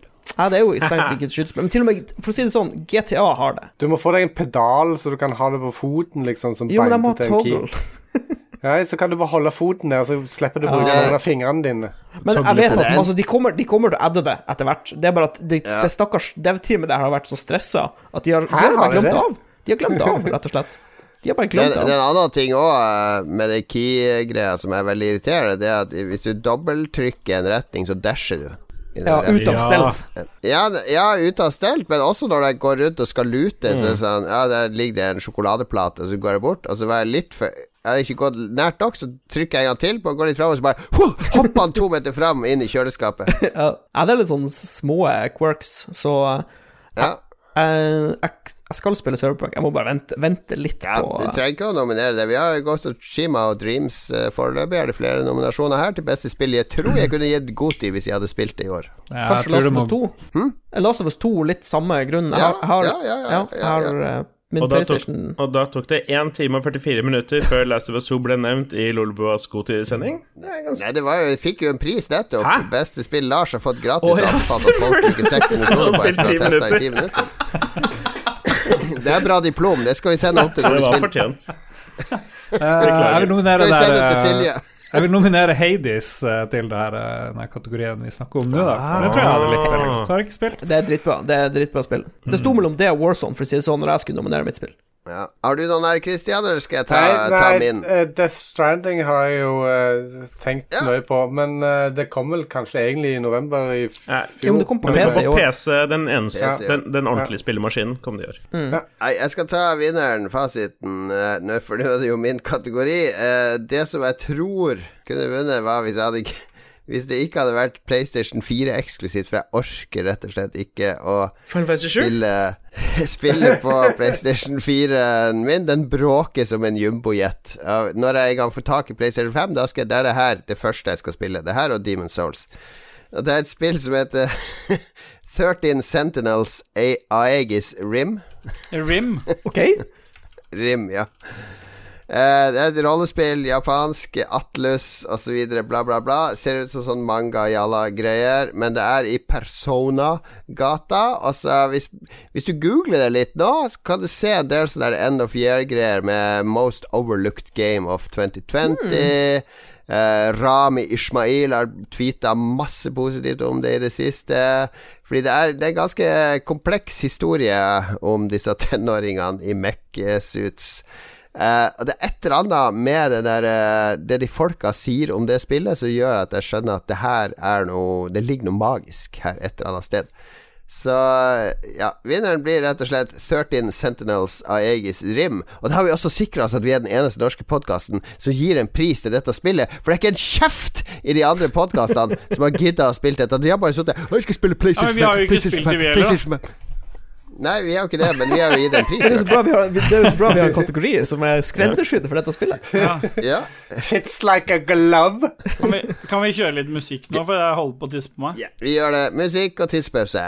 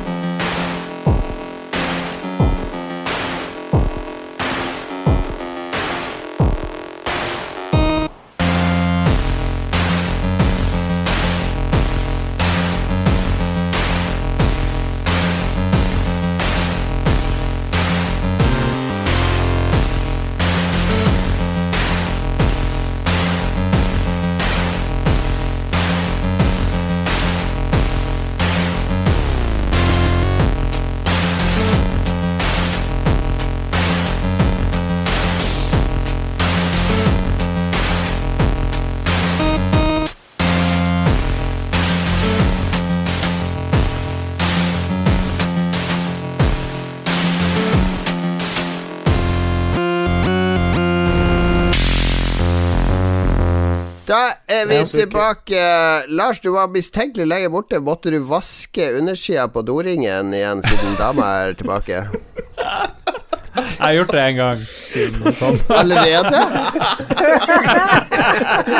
Har du ikke vært der i sånn 20 minutter? Kom på Har du lørdag. nevnt det, har du nevnt det for henne, det problemet? Nei, jeg har ikke gjort det. Kan ikke du få henne inn nå i pausen og så bare snakke om det? Kan ikke du gi henne headset og mikrofon, skal vi ha en diskusjon? Ja, det, vi har et problem, fordi hun har møtt en fyr i Kautokeino som hører på uh, Oh, shit. Oh shit. Oh shit. Ja, Ståle, og- da må du for guds skyld ikke ta med det her i podkasten. Nei. Wink, Jeg lurer på hva hun, han fortalte hun egentlig om det, så det har hun ikke sagt.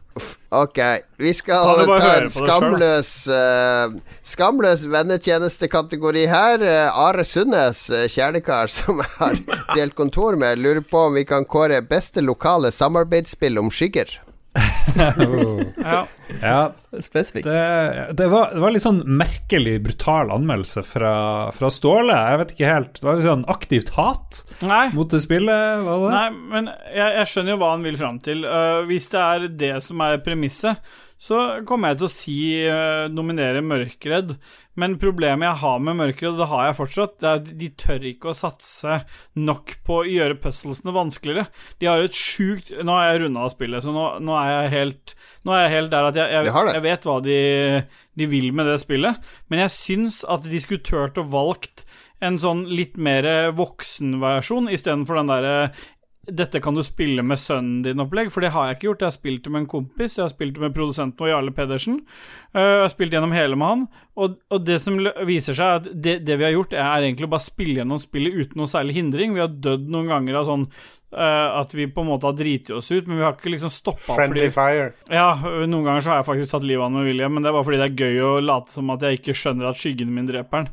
Jeg, jeg har en eller annen lidelse på det der med Friendly Fire, så det må jeg bare beklage. Jeg, jeg, jeg syns, når jeg har spilt det ferdig, så, så syns jeg spillet var kult. Jeg syns det er det er jo helt plettfritt for bugs, det, er, det flyter godt, alt mulig, men jeg skulle ønske de turte å satse mer på, på litt vanskeligere puzzles, for det har de muligheten til. Og da mener jeg ikke at de skulle hatt eh, sjeldnere checkpoints, for det vet jeg de snakka om i, i spillrevyen med dere. At de hadde vurdert å liksom De, de tok litt oftere checkpoints enn det de opprinnelig hadde tenkt. Mm. Jeg mener at de åpenbart burde Burde bare tørt å si at dette, her har vi et kult konsept. Vi gjør det litt vanskelig, men, men, men jeg, jeg respekterer at de satser på at du kan spille det med barna dine nå. Men det er det de har gjort. Ja, men det, det er som du sier, det er jo superpolished, og det er Ja. veldig bra. Det har jeg sagt hele tida, men jeg liker, jeg liker verden, da. Jeg liker den der omgivelsene og, og historien du lager sjøl, for du får jo gjennom en sånn her apokalyptisk eh, plass. Eh, Nå har jeg bare spilt 55% av spillet fremdeles, da, men eh, uh, kanskje jeg skal prøve å spille det med kjæresten. Ja, det syns jeg du skal. Prøv det, prøv det. Kanskje hun hater det mer enn uh, Overcooked. Vi får se. Uh, vi trenger ikke å kvele det ut mer. Nå har uh, Are og Hyper fått litt gratis reklame her. Mørkredd får altså pris. Årets beste lokale samarbeidsspill om skygger. Det blir diplom. Det, det, og det forventer jeg at vi skal få bilde av på veggen på Hyper-kontoret, med hele crewet rundt, eh, som vi kan putte på Lolbua-sida. Bra. Ja. Hvem vil ha neste? Lars, du hadde flere. Du kan få lov til å ha en Hvem vil ha en til Jeg. kategori? Rekk opp hånda. Ja, Philip Ja, ja, da får Philip, Lars og Ståle Dere får én kategori hver til. Vi kan begynne med Lars. Ja. Spill som har rørt deg innerst inn i hjerterota, eller spillet som mest har liksom gjort deg varm om hjertet, eh, er kategorien. Det er en veldig god kategori. Ja. Jeg vil bare påpeke en regel her. Alle som får to kategorier eh, Hvis begge kategoriene deres resulterer i at samme spill får pris i begge kategoriene, så blir begge kategorier annullert. Er. Så hvis. Ståle kommer er- med det noe sånn der. Final Fantasy Nei, sånn der Sea of Thieves-spissa kategori igjen, så Sea of Thieves får en pris til, så blir begge de prisene nulla Det er ut. Ja. Men hva var eh, spillet som har gjort deg mest varm i hjertet? Ja, ja, ja. Yes. Eh, jeg kan jo bare røpe det med en gang. Med en gang. Eh, jeg nominerer der eh, Ori and the Will of the Wisps. Det er vel oppfølgeren Ah, ja. til Ori and the Blind Forest. Det er, det er noe med den musikken og verden og stemninga som gjør at jeg bare smelter fullstendig. Og det er lagd med kjærlighet, det er kompetente puzzles, noen bonusgreier, sånne kister eller hva nå sånne ting du finner, er bare skikkelig sånn utrolig krevende jumping puzzles og sånne ting, og det syns jeg er kult. Og så liker han der Ori. Han er jo en fantastisk eh, nusselig karakter som jeg får veldig mye omsorg for. Så eh, det, det er min, min eh, nominasjon. Det var det jeg tenkte på da jeg tenkte på denne kategorien. Ja. Ja. Neste. Mats spiller bare spill hvor du dreper uh, flest mulig folk. Ja. Ja. Veldig lite heart warmth eh, der. Nei, jeg har, jeg, har, um, jeg har spilt det første Ori-spillet, og det er utrolig, utrolig koselig spill. Så jeg, har- jeg har faktisk kjøpt den, det nyeste, men jeg har ikke fått spilt det. Men jeg er ikke fremmed for å Jeg er ikke fremmed for å spille et spill som rører meg litt. Det syns jeg er kjempetrivelig. Jeg husker det der eh, Brothers og de her spillene der, liksom. Det er utrolig Ja. Ja, det er litt deilig med litt sånne spill. Jeg vil gjerne nominere et norsk spill, og det er Mattis Folkestad sitt Embracelet. ja, oi. det har jeg glemt. Ja. Veldig bra. Som eh, jeg spilte gjennom på releasedagen og eh, var veldig imponert over. Og det var en veldig fin story som, eh, som rørte. Ja. Jeg vet Mattis òg. Han har vært på et par av våre C64 et ball, eh, Christian, som han likte veldig godt. Han ble med i en av disse videoene som jeg tok opp, der det var sånn uh, Ja, ja, ja, ja, ja. Summer Games-aktige greier, der joysticken gikk som bare faen, og det, det ser veldig eh, suspekt ut når en ser videoen i ettertid. For det, Lars klippa det til sånn at du ikke kunne se hendene. Det var bare veldig Ja. mye fra frantic uh, moves. Det er, er tabloidjournalisten, vet du. Jeg var veldig fornøyd med den. Jeg kan nominere uh, spill som jeg har spilt en god del, og som gjør meg varm og i hjertet, og det er uh, Hades. Og det er fordi den der eh, pausen Altså, det er veldig frenetisk og gøy og når du går gjennom de randomgenererte brettene, du går opp opp i vanskelighetsgrad, du får blodet til å pumpe definitivt, sånn som Mats sin kategori. Men så, når du endelig dør, så vender du liksom tilbake til, eh, til underverden, der pappaen din sitter, der du snakker litt med folk, der du kanskje har eh, tjent deg opp noe greier så du kan investere i noe nytt. Og den derre roen, den der Når du kommer tilbake til start Altså det, det området, startområdet der det, jeg, blir, jeg blir veldig glad i den loopen. Altså det der Og, og, og så må du alltid innom rommet ditt før du går videre. Der senga di er, speilet ditt er, der det er, det er en sånn der eh, Jeg, jeg, jeg syns den grafikken er varm og innbydende. Og så er det jo mange- Utrolig koselige karakterer som du snakker med. Og, Ja, det er det. Ja. Og de er de er tegna på en sånn kul måte at uh, Se, mange sånne kvinnelige spillere er syns det er veldig kult at de har tegna De mennene der er veldig sånn der uh, pene. Pene, attraktive menn for, for uh, de som liker menn. Det, det er ikke bare sånn macho. De er litt sånn der eh, feminine, eller de har, de har mer uttrykk enn å bare se tøff ut. Så jeg, jeg syns det, det er varmt, varmt skildra spill. Ok, ok, jeg har, jeg har en liten sånn swinger i den kategorien her. Oh. Jeg vil nominere Swinger. Escape from Tarkov.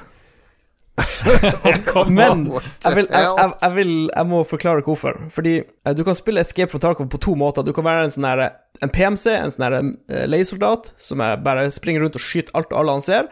Eller så kan du spille en scav, eller scavenger. Og av og til i Escape from Tarkov, når du spiller scav, så møter du andre scavs.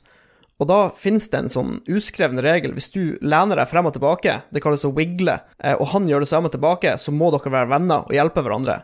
Og det Og når du møter en annen spiller Og dette er andre spillere, liksom. Og det, det varmer hjertet, fordi i Escape from Tarkov så er det stort sett 90% Hvis du ser noen folk, så skyter de. Men av og til så møter du en skau, og så wigler dere til hverandre, og så er dere venner. Og så Du kan ikke kommunisere med denne personen. Det er ikke voice, det er ikke tekstchat. Du, du kan bare kommunisere med å peke og vifte og nikke, og liksom Det er utrolig. Vent da, vent da, vent da, nå må jeg arrestere. For det her er det spillet som er så realistisk at du må kikke ned i kammeret for å se hvor mange kuler du har igjen i magasinet. Ja. Altså, du må vri våpenet manuelt. Og så kan du ikke prate. Nei, du kan trykke Du, kan, du har sånn Du har eh, Du har gans, Det er et ganske komplisert voiceline-system hvor du kan si eh, liksom Gå den veien, hei men problemet er at når du spiller skau, så Men er det noen grunn til at du ikke skal være sånn som i Daisy og sånn, der man kan si Nei, nei, ikke drep meg! sånn? Teknologien er ikke bare der. Er du Okay, Men kan det, kan det være sånn rollespillbakgrunn, at alle er stum, men så har de en sånn maskin de kan Jeg trykke bare, kom jeg hit? tror bare det er eh, Liksom, de har hatt for mye annet å gjøre, så voice, eh, voice over IP er liksom nedprioritert. Men eh, det, det tar ikke bort fra at det er ekstra hjertevarmende når du samarbeider med en tilfeldig person over internettet som du ikke kan kommunisere med, hvor oppgaven, Mm. altså hvor målet er egentlig å ta livet av alle på serveren. Det er, utro, det, det er, det er hjertevarmende. Det er det. Kan du bli brevvenn med denne personen etterpå? Utveksle adresser? Det er faktisk litt uh, kinkig, for det- du har ikke noen måte å identifisere eh, personen uh, Ah, okay, du ja. spiller mot, eller med, da. Ja. Ja. Så det er litt sånn bittert. Du er, du er venner i ett Det er litt sånn så uh, Journey. Liksom du, du får vite på slutten hvem du spilte med, på en måte. Ja. Ja. Jeg tror jeg har fasiten her, altså. Men uh... Kommer til slutten av Journey, så bare Å, hvem er denne personen? Jeg har funnet sånn bånd til Ja, morapuler 33. Shitlord eh, 24. Angerboy. Rape Master 55. Eh, før Ståle kommer med fasiten sin, da, så kan jeg slenge inn min. Uh, jeg tenker umiddelbart først på både Final Fantasy 7-remaken og Among us når jeg tenker på spill som gjør meg varm rundt, hjertet, men de har jo vunnet Ja. sine kategorier allerede, så isteden gjør jeg et nok et forsøk på å nominere Cyberpunk 2077. Men det er ikke nødvendigvis fordi spillet i seg selv har gjort meg så varmt rundt hjertet enn så lenge, men jeg elsker Witcher 3 The Wild Hunt, og det er så mye av Cyberpunk som som minner meg om det jeg likte med Witcher 3. Eh, kanskje først og fremst verdensbygginga. Jeg har enn så lenge mest flydd rundt og bare gjort random ting, men måten jeg interagerer med verden på, den interagerer med meg på, hvordan ting er lagt opp, hvordan ting er designa, det er det, det gir meg en veldig gjenkjennelig følelse fra noe jeg likte veldig veldig godt i et spill som uh, var uh, Game of the Decade for me, Witcher 3. Så ja. Altså, Det er, for si fordi, sånn det er ikke fordi at det var masse bugs i begge spillene at du Nei, minnes altså, for- eh, Du, Jeg har- unnskyld, det, er ikke, det er ikke så mye Du må bare ha dyre grafikkort. Nei, serr. I, I 2021 så kommer det expansion packs til Cyberpunk 2077. Da har de endelig fått fiksa småbugs, og da blir det god til 2021. For hvis det, no, hvis, det var noe hvis det var noe som var bra til Witcher 3, så var det expa- expansion packene. Hearts of Stone og uh, Blood, and Wine, Wine, Blood, and det. Wine. Ja, Blood and Wine er jo bedre hovedspillet. Ja, ja altså Begge begge de expansion packene er jo mye bedre enn hovedspillet.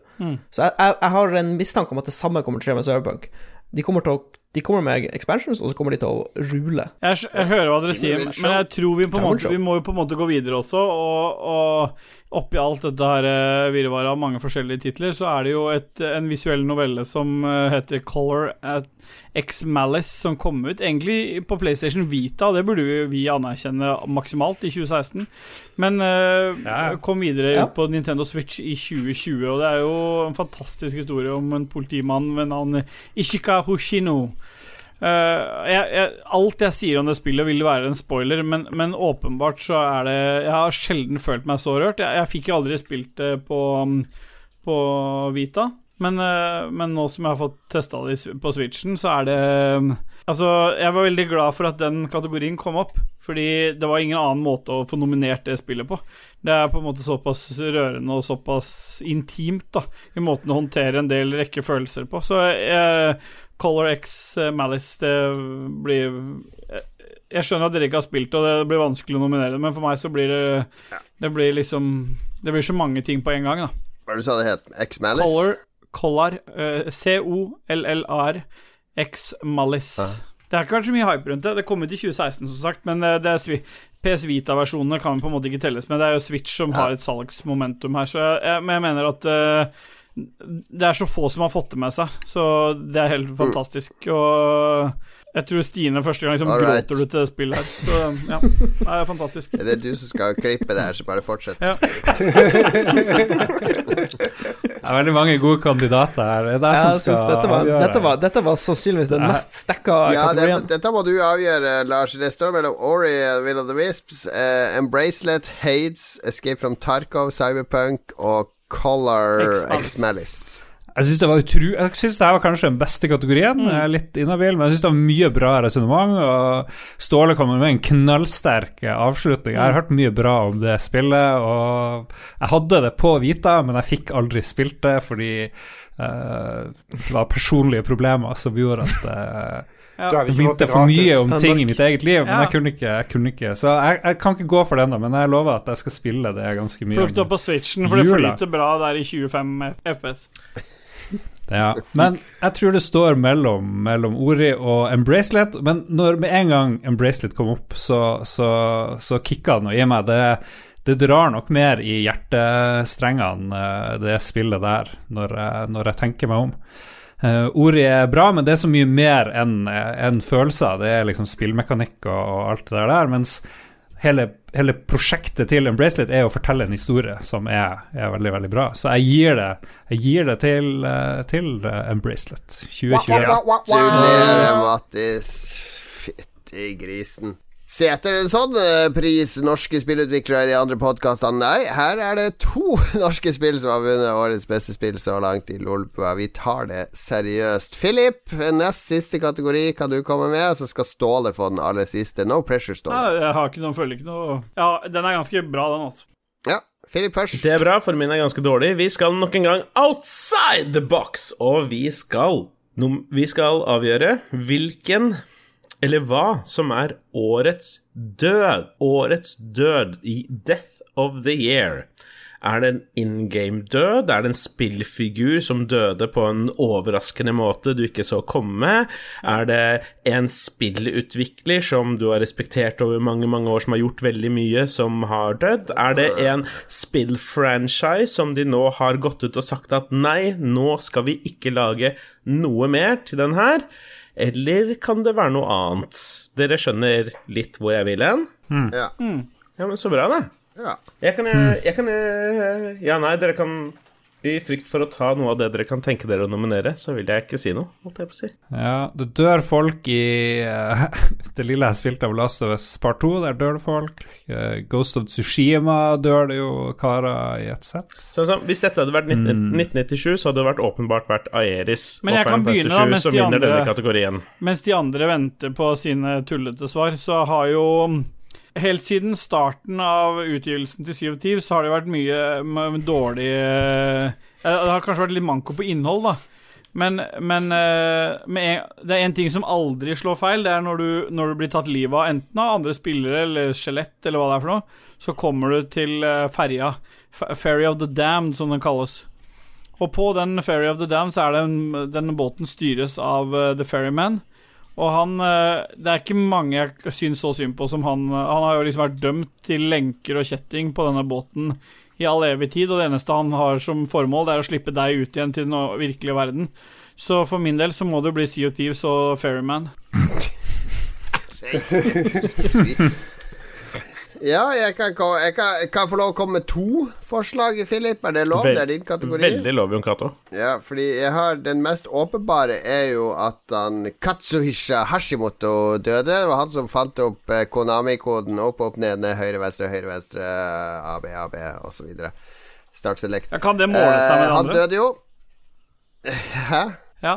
Ja, han døde jo, så det er mest åpenbare. Men den jeg egentlig vil nominere Hva skjer det noe bak Philip? Ja, ok. Den jeg egentlig vil nominere, er eh, Dan Houser har forlatt Rockstar. Han ga seg i Rockstar. Og jeg tror, basert på det jeg kan om Rockstar og intervjuet jeg har gjort med folk i Rockstar og så videre at det er han som er brodden i Rockstar. Det er han som er manusmannen, som har dialogen, karakterene, storylines, eh, definerer verdenene, både når det gjelder Red Dead Redemption og GTA-serien. Og jeg tror at han har vært så viktig at jeg er faktisk skeptisk til et GTA 6 eller det neste Rockstar-spillet som skal komme, for jeg tror de mister veldig mye av den brodden de har hatt. Det de har levd på, at GTA-spillet hadde en brodd og en aktualitet og en nerve i dialog og karakterer som var truffet. Så jeg tror Dan Houser er det største eh, Der, der, døden. der tror jeg faktisk at du svarer eh, basert på at du ikke hadde noe annet. Fordi vi alle vet jo at Dan Housers rolle i GTA GTA 5 var fantastisk. Det var et fantastisk spill. Men eh, altså, de, går, de looper seg jo sjøl, Jon Cato. Det, det tror jeg egentlig du, du tenker sjøl også. Uh, Red Dead Redemption, det var et bra spill, men online-delen der, der hadde de så mye potensial, men de bare, de bare livnæra seg. Ja, men han er ikke involvert i jeg hører hva du sier, men den online-biten. Han brodden du snakker om, det er på en måte mye av Ja. den, den, den spiriten, og den online-delen til Red Dead Redemption var utelukkende basert på den suksessen de hadde med GTA 5. Så jeg tenker at uh, Rockstars rikt, eneste riktige vei er å få inn noe friskt blod. Med tanke på antall midler det, det studioet har, så er det jo bare å plukke fra øverste hylle hva gjelder, hva gjelder eh, folk som kan å skrive historie, og de har jo ut... Altså for, for meg, Ståle, så er det her som at eh, eh, Quentin Tarantino skulle gi seg som regissør, og så skal det komme inn en eller annen jypling og lage Pulp Fiction 2. Det går ikke. Nei, det går rett og slett ikke. Jeg ikke. skjønner argumentasjonen din, men samtidig så tenker jeg at det er litt annerledes med spill og film, fordi det er, det er jo på en måte en interaktiv opplevelse. Sånn at det blir liksom helt Det, det blir mye mer annerledes. Ja, okay, ok, greit. Jeg skulle til å si at det er så sjukt uncanny det. det er så, Jeg kjøper det. det er så sjukt uncanny valley når Ståle liksom begynner å snakke om ting som kanskje potensielt har noe substans, men så plutselig Ja, heldigvis, så Jeg venter på en sånn der eh, fitte Ja, eller ja, ja, sær akkurat et det eller annet samme. hele tida. Så jeg bare fortsetter å være sånn seriøs Ja, ja. Eller og derfor oppriktig. burde vi spille Sea of Thieves alle sammen. All right. Ja, Dan Houser er nominert. Uh, Ferryman i Sea of Thieves er nominert. Er det Ja, for det, nominert det kunne være karakterer, ikke sant? Ja, ja, ja. ja. Jeg- Ja, ja, ja. Er det lov med spoiler da? Det er et eh, spill der det Ja, men for faen, Christian, det er jo ikke mulig. Det er bare svar et eller annet. Ja, OK. Eh, Cyberpunk eh, Jackie Wells. Ja. Oh. For de som ikke har spilt igjennom begynnelsen, han dør. Han dør. Ja, det dør jo i prologen, så det er Ja. ikke så stor spoiler. Nei. Ja, ok. Jeg går for han der uh, Serge Hascoe som ble sparka fra Ubisoft pga. Uh, intens uh, metoo-aktivitet. Har de drept Og, han nå? Ja, han er jo død i videospillbransjen. Det. Så det var enten han eller Burt Reynolds, men jeg tenker det er mer aktuelt å gå for eh, Serge Hascoe. Han er jo òg anklaga for at eh, masse av de her Ubisoft-spillene ble så like at alt ligna på hverandre. For han var jo chief creative officer eller noe sånt, så det var Ja. han som ga tommel opp nå nå ga vel han Michel Ancel, eh, Beyond Good and Evil-mannen, ga seg jo òg i Ubisoft, og rykta vil jo ha til at det lå en hav, storm av anklager som nærma seg han, så han hoppa av i tide Hoppa glatt av i svingen, han. han. Bokstavelig talt. Ja. Ja. ja. Ja, har vi flere, da? Mats? Um, ikke dataspillrelatert, men Alex Trebek døde jo i år, og han har jo vært, eh, vært i Jeopardy som et spill.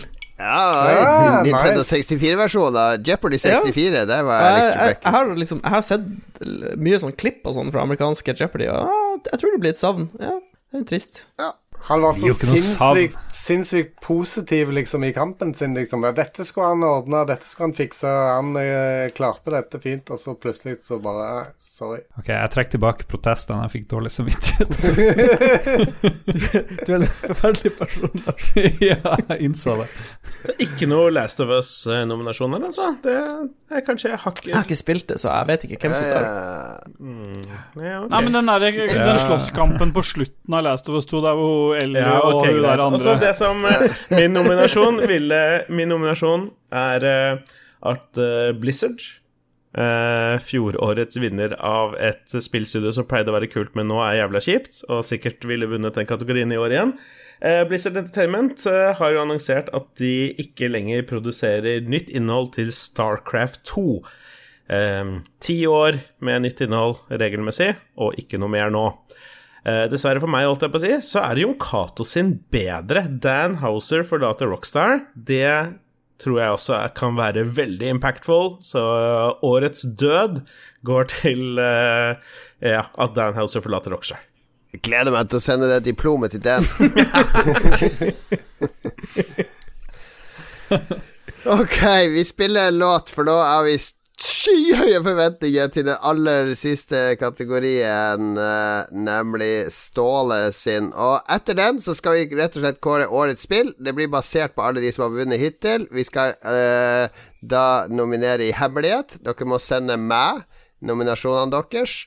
Eh, hvilket spill av de som har vunnet til nå, Det står i sendeskjemaet, alle som har vunnet det nå. Velg ett av de, og så send det til meg, og så ser vi hva som vinner årets spill. Men først er det litt musikk, og så siste kategori før årets spill.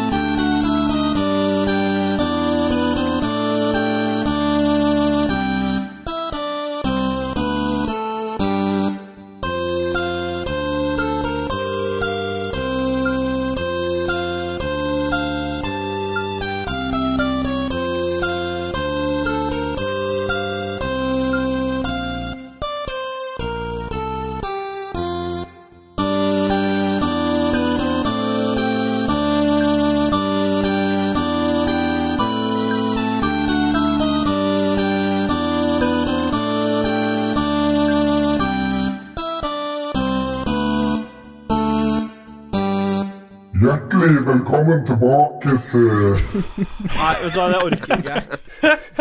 Jo, jeg vil høre mer. Kom an. Jeg hørte at, eh, jeg hørte at Dag, Dag Thomas At Dag Sørås eh, skulle komme og fortelle en vits eh, til oss. Nei, det? jeg, jeg har ingen vitser. Sorry. Ingenting er forberedt.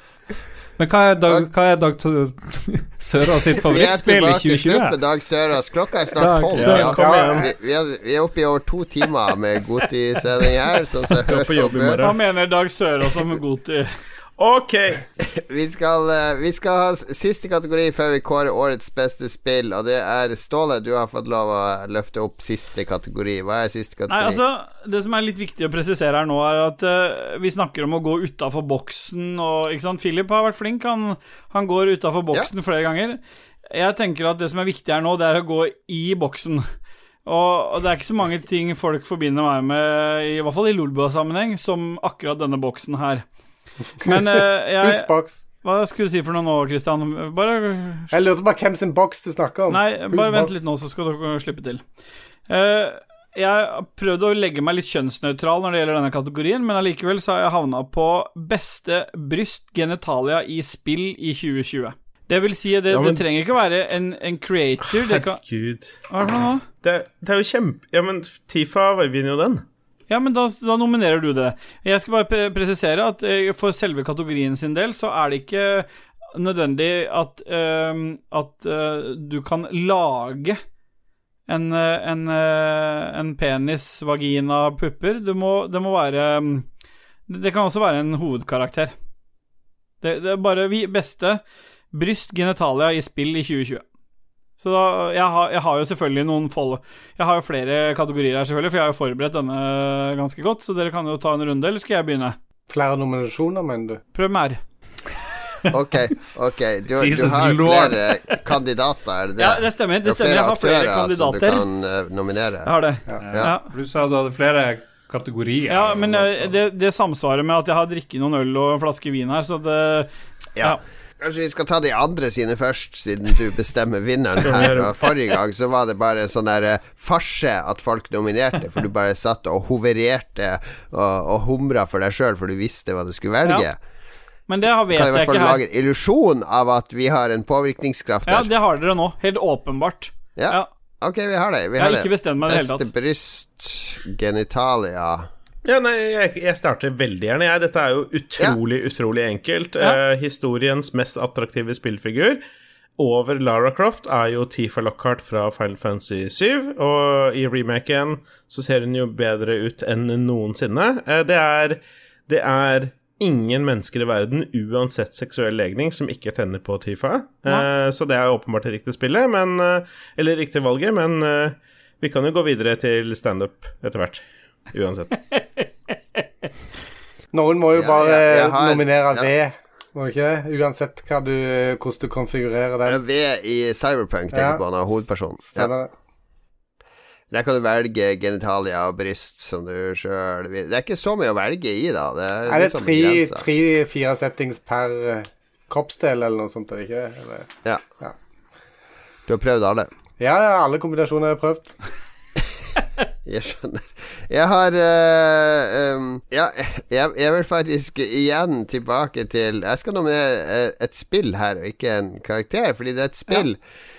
Så jeg mener jo at erotikk fungerer best, og her tror jeg Lars er enig med meg, når det er litt tildekt. Du trenger ikke å få en dame som skrev i fjeset ditt, det er ikke så opphissende, men det er mer eh, det der eh, hva skjuler seg bak det, være litt kokett og, og sånne ting. Og der er jo Hades i en særklasse med at alle karakterene er ganske sexy. Både de kvinnelige og mannlige karakterene har en utrolig sexappeal og utstråling. eh, De er rene og pene, eh, muskuløse, velbygde, uten å være sånn Sånn vulgært seksualisert, men de har en, en sexappeal. Eh, smakfull sexappeal, så jeg, jeg vil gå for eh, Hates her. Ok. Jeg vil, jeg vil nominere han Serge Ubisoft. Han har åpenbart eh, liv i luren, for å si det sånn. Og ble jo kjent over hele verden pga. sitt libido. Ja.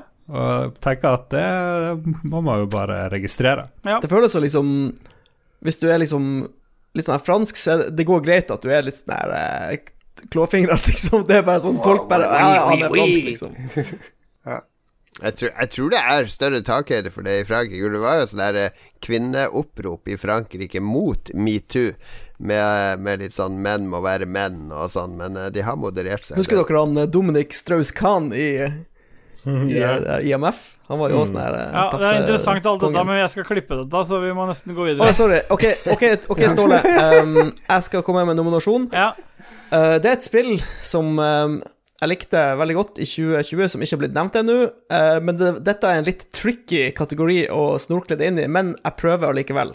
Jeg vil gjerne nominere Monster Train, Oi, oi, oi. Oi. fordi ja. i Monster Train så, så er du på et tog som skal penetrere helvete som har frosset over. Og det er jo litt sexy, er det ikke? Jo. Med et tog som bare moser gjennom eh, jo. noe. Ja. Vi kinkshamer ikke noen her. Nei. Nei. Fle- Fleksnes har jo gjort, gjorde jo toget til veldig rot. Philip leverer foreløpig ganske Ja, godt, altså, men ja. Ut av tunnelen. Så det er det mitt Ja, det er alt jeg har. Takk. Ja, Ståle, hva er dine her, ja. da? Christian, du har ingen? Nei, jo, jeg sa V ved. Jeg har jo vært hadde ved. ved, Ja. Jeg har vært så heldig at jeg, jeg har jo selvfølgelig nevnt Cyberpunk i mine, så det var godt at dere tok det med. Uh, I 2020 Dette spillet kom ikke ut i 2020, men for meg så, uh, så er det en del av nomineringa fordi jeg ikke fikk PC før i 2020, og det er umulig å spille dette på noe annet enn PC, og det er selvfølgelig Scum. I Scum så kan du velge både penisstørrelse, vagina og bryststørrelse. Og ikke minst har de tatt etterretning at jo mer penis og jo mer bryster du har, jo dummere blir du og vanskeligere blir spillet. Så jeg tenker at det er en helt åpenbar for meg, så må den med, fordi Scum er jo i kontinuerlig utvikling. Det er ikke ute ennå. Og så lenge jeg har spilt i 2020, så er det en helt åpenbar kandidat. Men eh, som hoved... jeg, jeg, jeg skal komme med sånn plott helt til slutt her, men, men eh, det er et spill jeg tror ikke så mange har hørt så mye om. Men det er et spill som heter Cockhead, og der du spiller hovedkarakteren som en penis. Det minner veldig om Cup, Cuphead, eh, og derav navnet Cockhead. For meg så har det vært det, det lille jeg har spilt av det, har vært et sånn fantastisk plattformspill der du spiller en, eh, en penis tatt liksom fra kroppen og med maskingevær. Så Scum og Cockhead det er vel de mine nomineringene Eller mine nominasjoner blir. Uh, Og så tenker jeg at siden dette er liksom siste runde, så skal ikke jeg ta endelig avgjørelse, men dere alle skal få ha en mening om det. Litt sånn som når lytterne sender inn. Så da har vi uh, Tifa, yep. og så har vi uh, Cockhead. Vi har Cyberpunk, vi har Scum. Det er toggreiene dine, Mats, det må nok uh, Vi kan ikke ha med det i det opplegget her. Kan kan vi ikke ha med toget? Jo, vi kan godt ha det med. Toget i Monster Train. Ja, Monster Train må vi få ta det med, da. Ja, toget i Monster Train. Toget i Ikke Monster Train. Ja. Ja. Men da kjører vi en runde.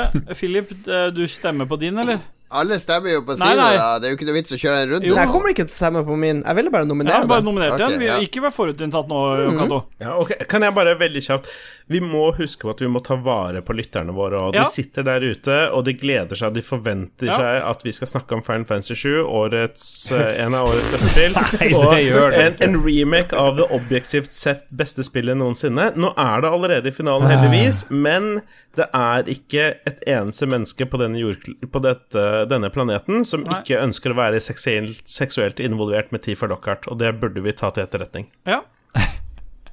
Jon Cato. Sk ja. Jeg har han nominert Tifa, da. Ja. Ja, har han stemt på det? Hva er det Ja, som skjer du nå? du skal bare stemme jeg på en av disse jeg ga deg alternativ. Ja, Hades, uh, Hades, Hades, Nei, men Hades var ikke alternativ. Jeg luka ut de. Du Ja, Hades? det var ikke nok penis. Ja, ja, da Da sier jeg pass. Jeg går, jeg går for toget til Mats, hvis det er et alternativ. Ja.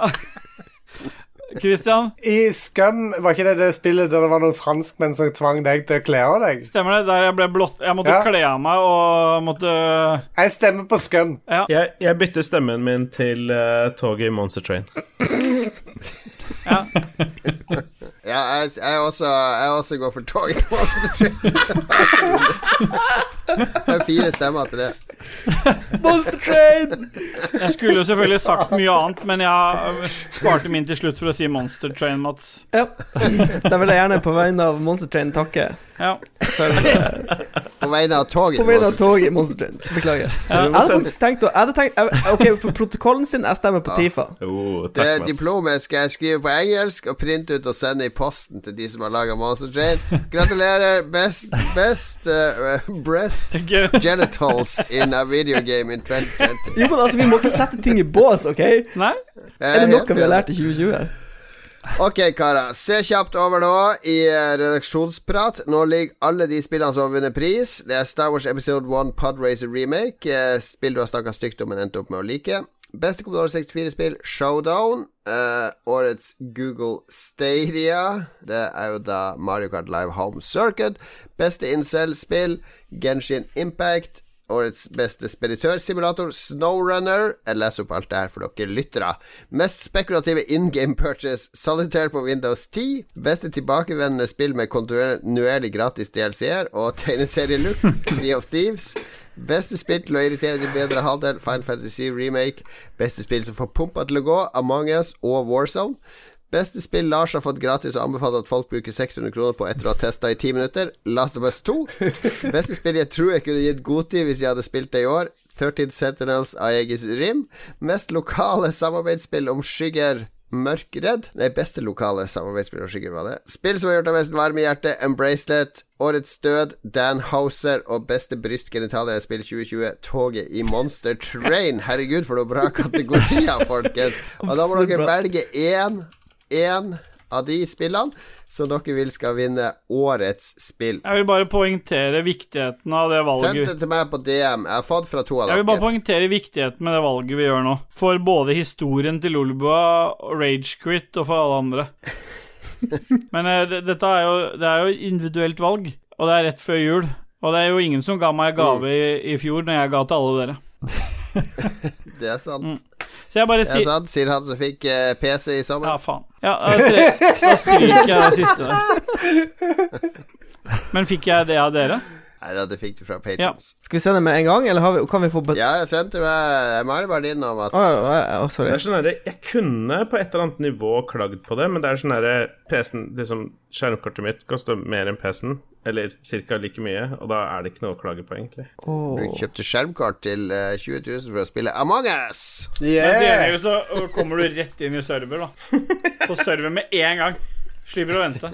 All right. Vi har fått stemmer fra alle sammen. Alle stemmer på jeg avstår fra å stemme, siden jeg så lett kan jukse på slutten her, ikke sant. Så det er fem stemmer som har kommet inn. To av stemmene er på samme spill. Det har vi vinner. De tre som bare fikk én stemme hver, var Last of Us 2, Solitaire på Windows 10 Among Us. Så det betyr at vinneren er årets spill 2020 i Lolbua, Sea of Thieves! Det er nesten så jeg begynner å gråte. Det er det vakreste dere har gjort for meg.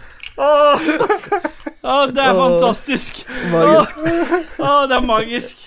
Åh, nei, fy faen. for et beist det spillet er. Jeg må bare er. beklage Ja. til mine barn og takke Rare. Jeg tar den prisen på vegne av Rare, jeg, egentlig.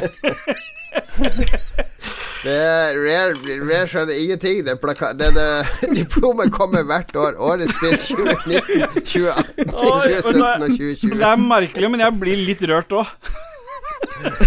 Det, det, da, vet du hva? Derfor syns jeg de fortjener Hvis du blir rørt, Ja, Ståle, så er det vel fortjent. Faen, jeg kjørte over ledningen her, Jeg ble så ivrig. Helvete. Veldig bra. Ok, det var vår uh, godtidssending. Håper du har kost deg og hatt det gøy med vår litt originale kåring. Vi må takke våre produsenter, Lars. Ja, faen, kan ikke noen andre gjøre det? Ah, jeg klarer ikke. Jeg er så, jeg er så lykkelig. Da. Vi har TTMXMP, MXMP, vi har Kobrakar84, Rolf Helge Ingebrigtsen er nummer tre, så har vi Anne Beth. Deretter Duke Jarlsberg, så Jarle Pedersen, og til sist, men absolutt ikke minst, har vi Stian Skjerven. Og hvis du har hørt helt til nå, både i Lolbua-feeden og Ragequit-feeden, og funnet ut at faen, det her har jeg jo hørt før, så, så stemmer det. Fordi dette er en uh, samarbeidspodkast mellom Lolbua og Ragequit. Den kommer i begge feedene. Så jeg håper du ikke har hørt helt til nå, før, du fant ut at du har hørt, hørt det her før. Uh, hør på Ragequit. Er Hør på Lolbua. Før jul? Hør på Spillrevyen, og følg smittevernreglene nå i jula, så skal du se at 2021 kommer til å bli et knallår. For det vi gleder oss mest til i Lolbua, det tror jeg er helt ærlig for alle sammen, det er å møte dere lyttere igjen. Det er å kunne ha events igjen. Det er at Lars og Mats kan komme til Oslo og møte oss alle, og at vi kan eh, vi trenger ikke å være i Oslo en gang, men at vi kan dra på et utested og sette oss bak i mikrofon. og At det kan komme 30-40 folk som har lyst til å høre på oss, så vi kan henge med en kveld. Ja. Det tror jeg er det vi gleder oss mest til i Ja. 2020. Ja, Jeg og Mats skal kjøre sørover i ny Tesla, finansiert av Patrions. Orker jeg ikke mer. Det blir 2021 blir et bra år, folkens. Takk for at dere har fulgt oss gjennom hele året. Det kommer en episode i romjula og en Sidbua romjula spesial, og så høres vi på nyåret. Ha det bra! Ciao for now!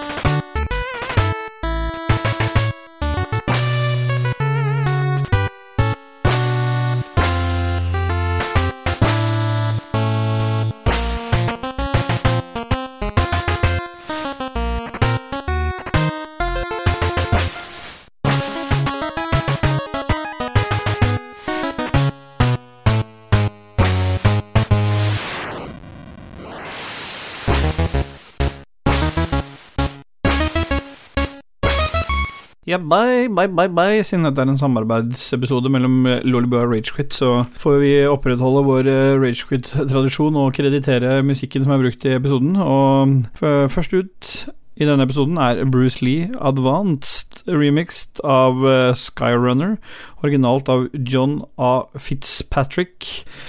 Så duser vi videre vi med Mandalorian i chiptune, selvfølgelig, av Tony the Hero, originalt av Ludvig Gjøransson. Så er det en Outrun Splash Wave Surf Mix av Johan Andersson, or originalt av Jason C. Brook, Brook, Brook, jeg sier Brook. Og så er det selvfølgelig den mye etterspurt Final Fantasy 7 chiptunes-låta i jazzversjon. Chinko de Chocobo. Den er av 8-bit jazz, originalt av Nobuo Uematsu. Og så har vi Cyberpunk 2077 Chip Tune av Jupiter. Så er det en Jeopardy Theme 8-bit tribute to Alex Trebek av 8-bit Universe. Og avslutningsvis er det selvfølgelig Sea of Thieves Maiden Voyage i 8-bit cover. Ja, bye! Har du et enkeltpersonforetak eller en liten bedrift? Da er du sikkert lei av å høre meg snakke om hvor enkelt det er med kvitteringer og bilag i fiken, så vi eh, gir oss her, vi. Fordi vi liker enkelt. Fiken superenkelt regnskap.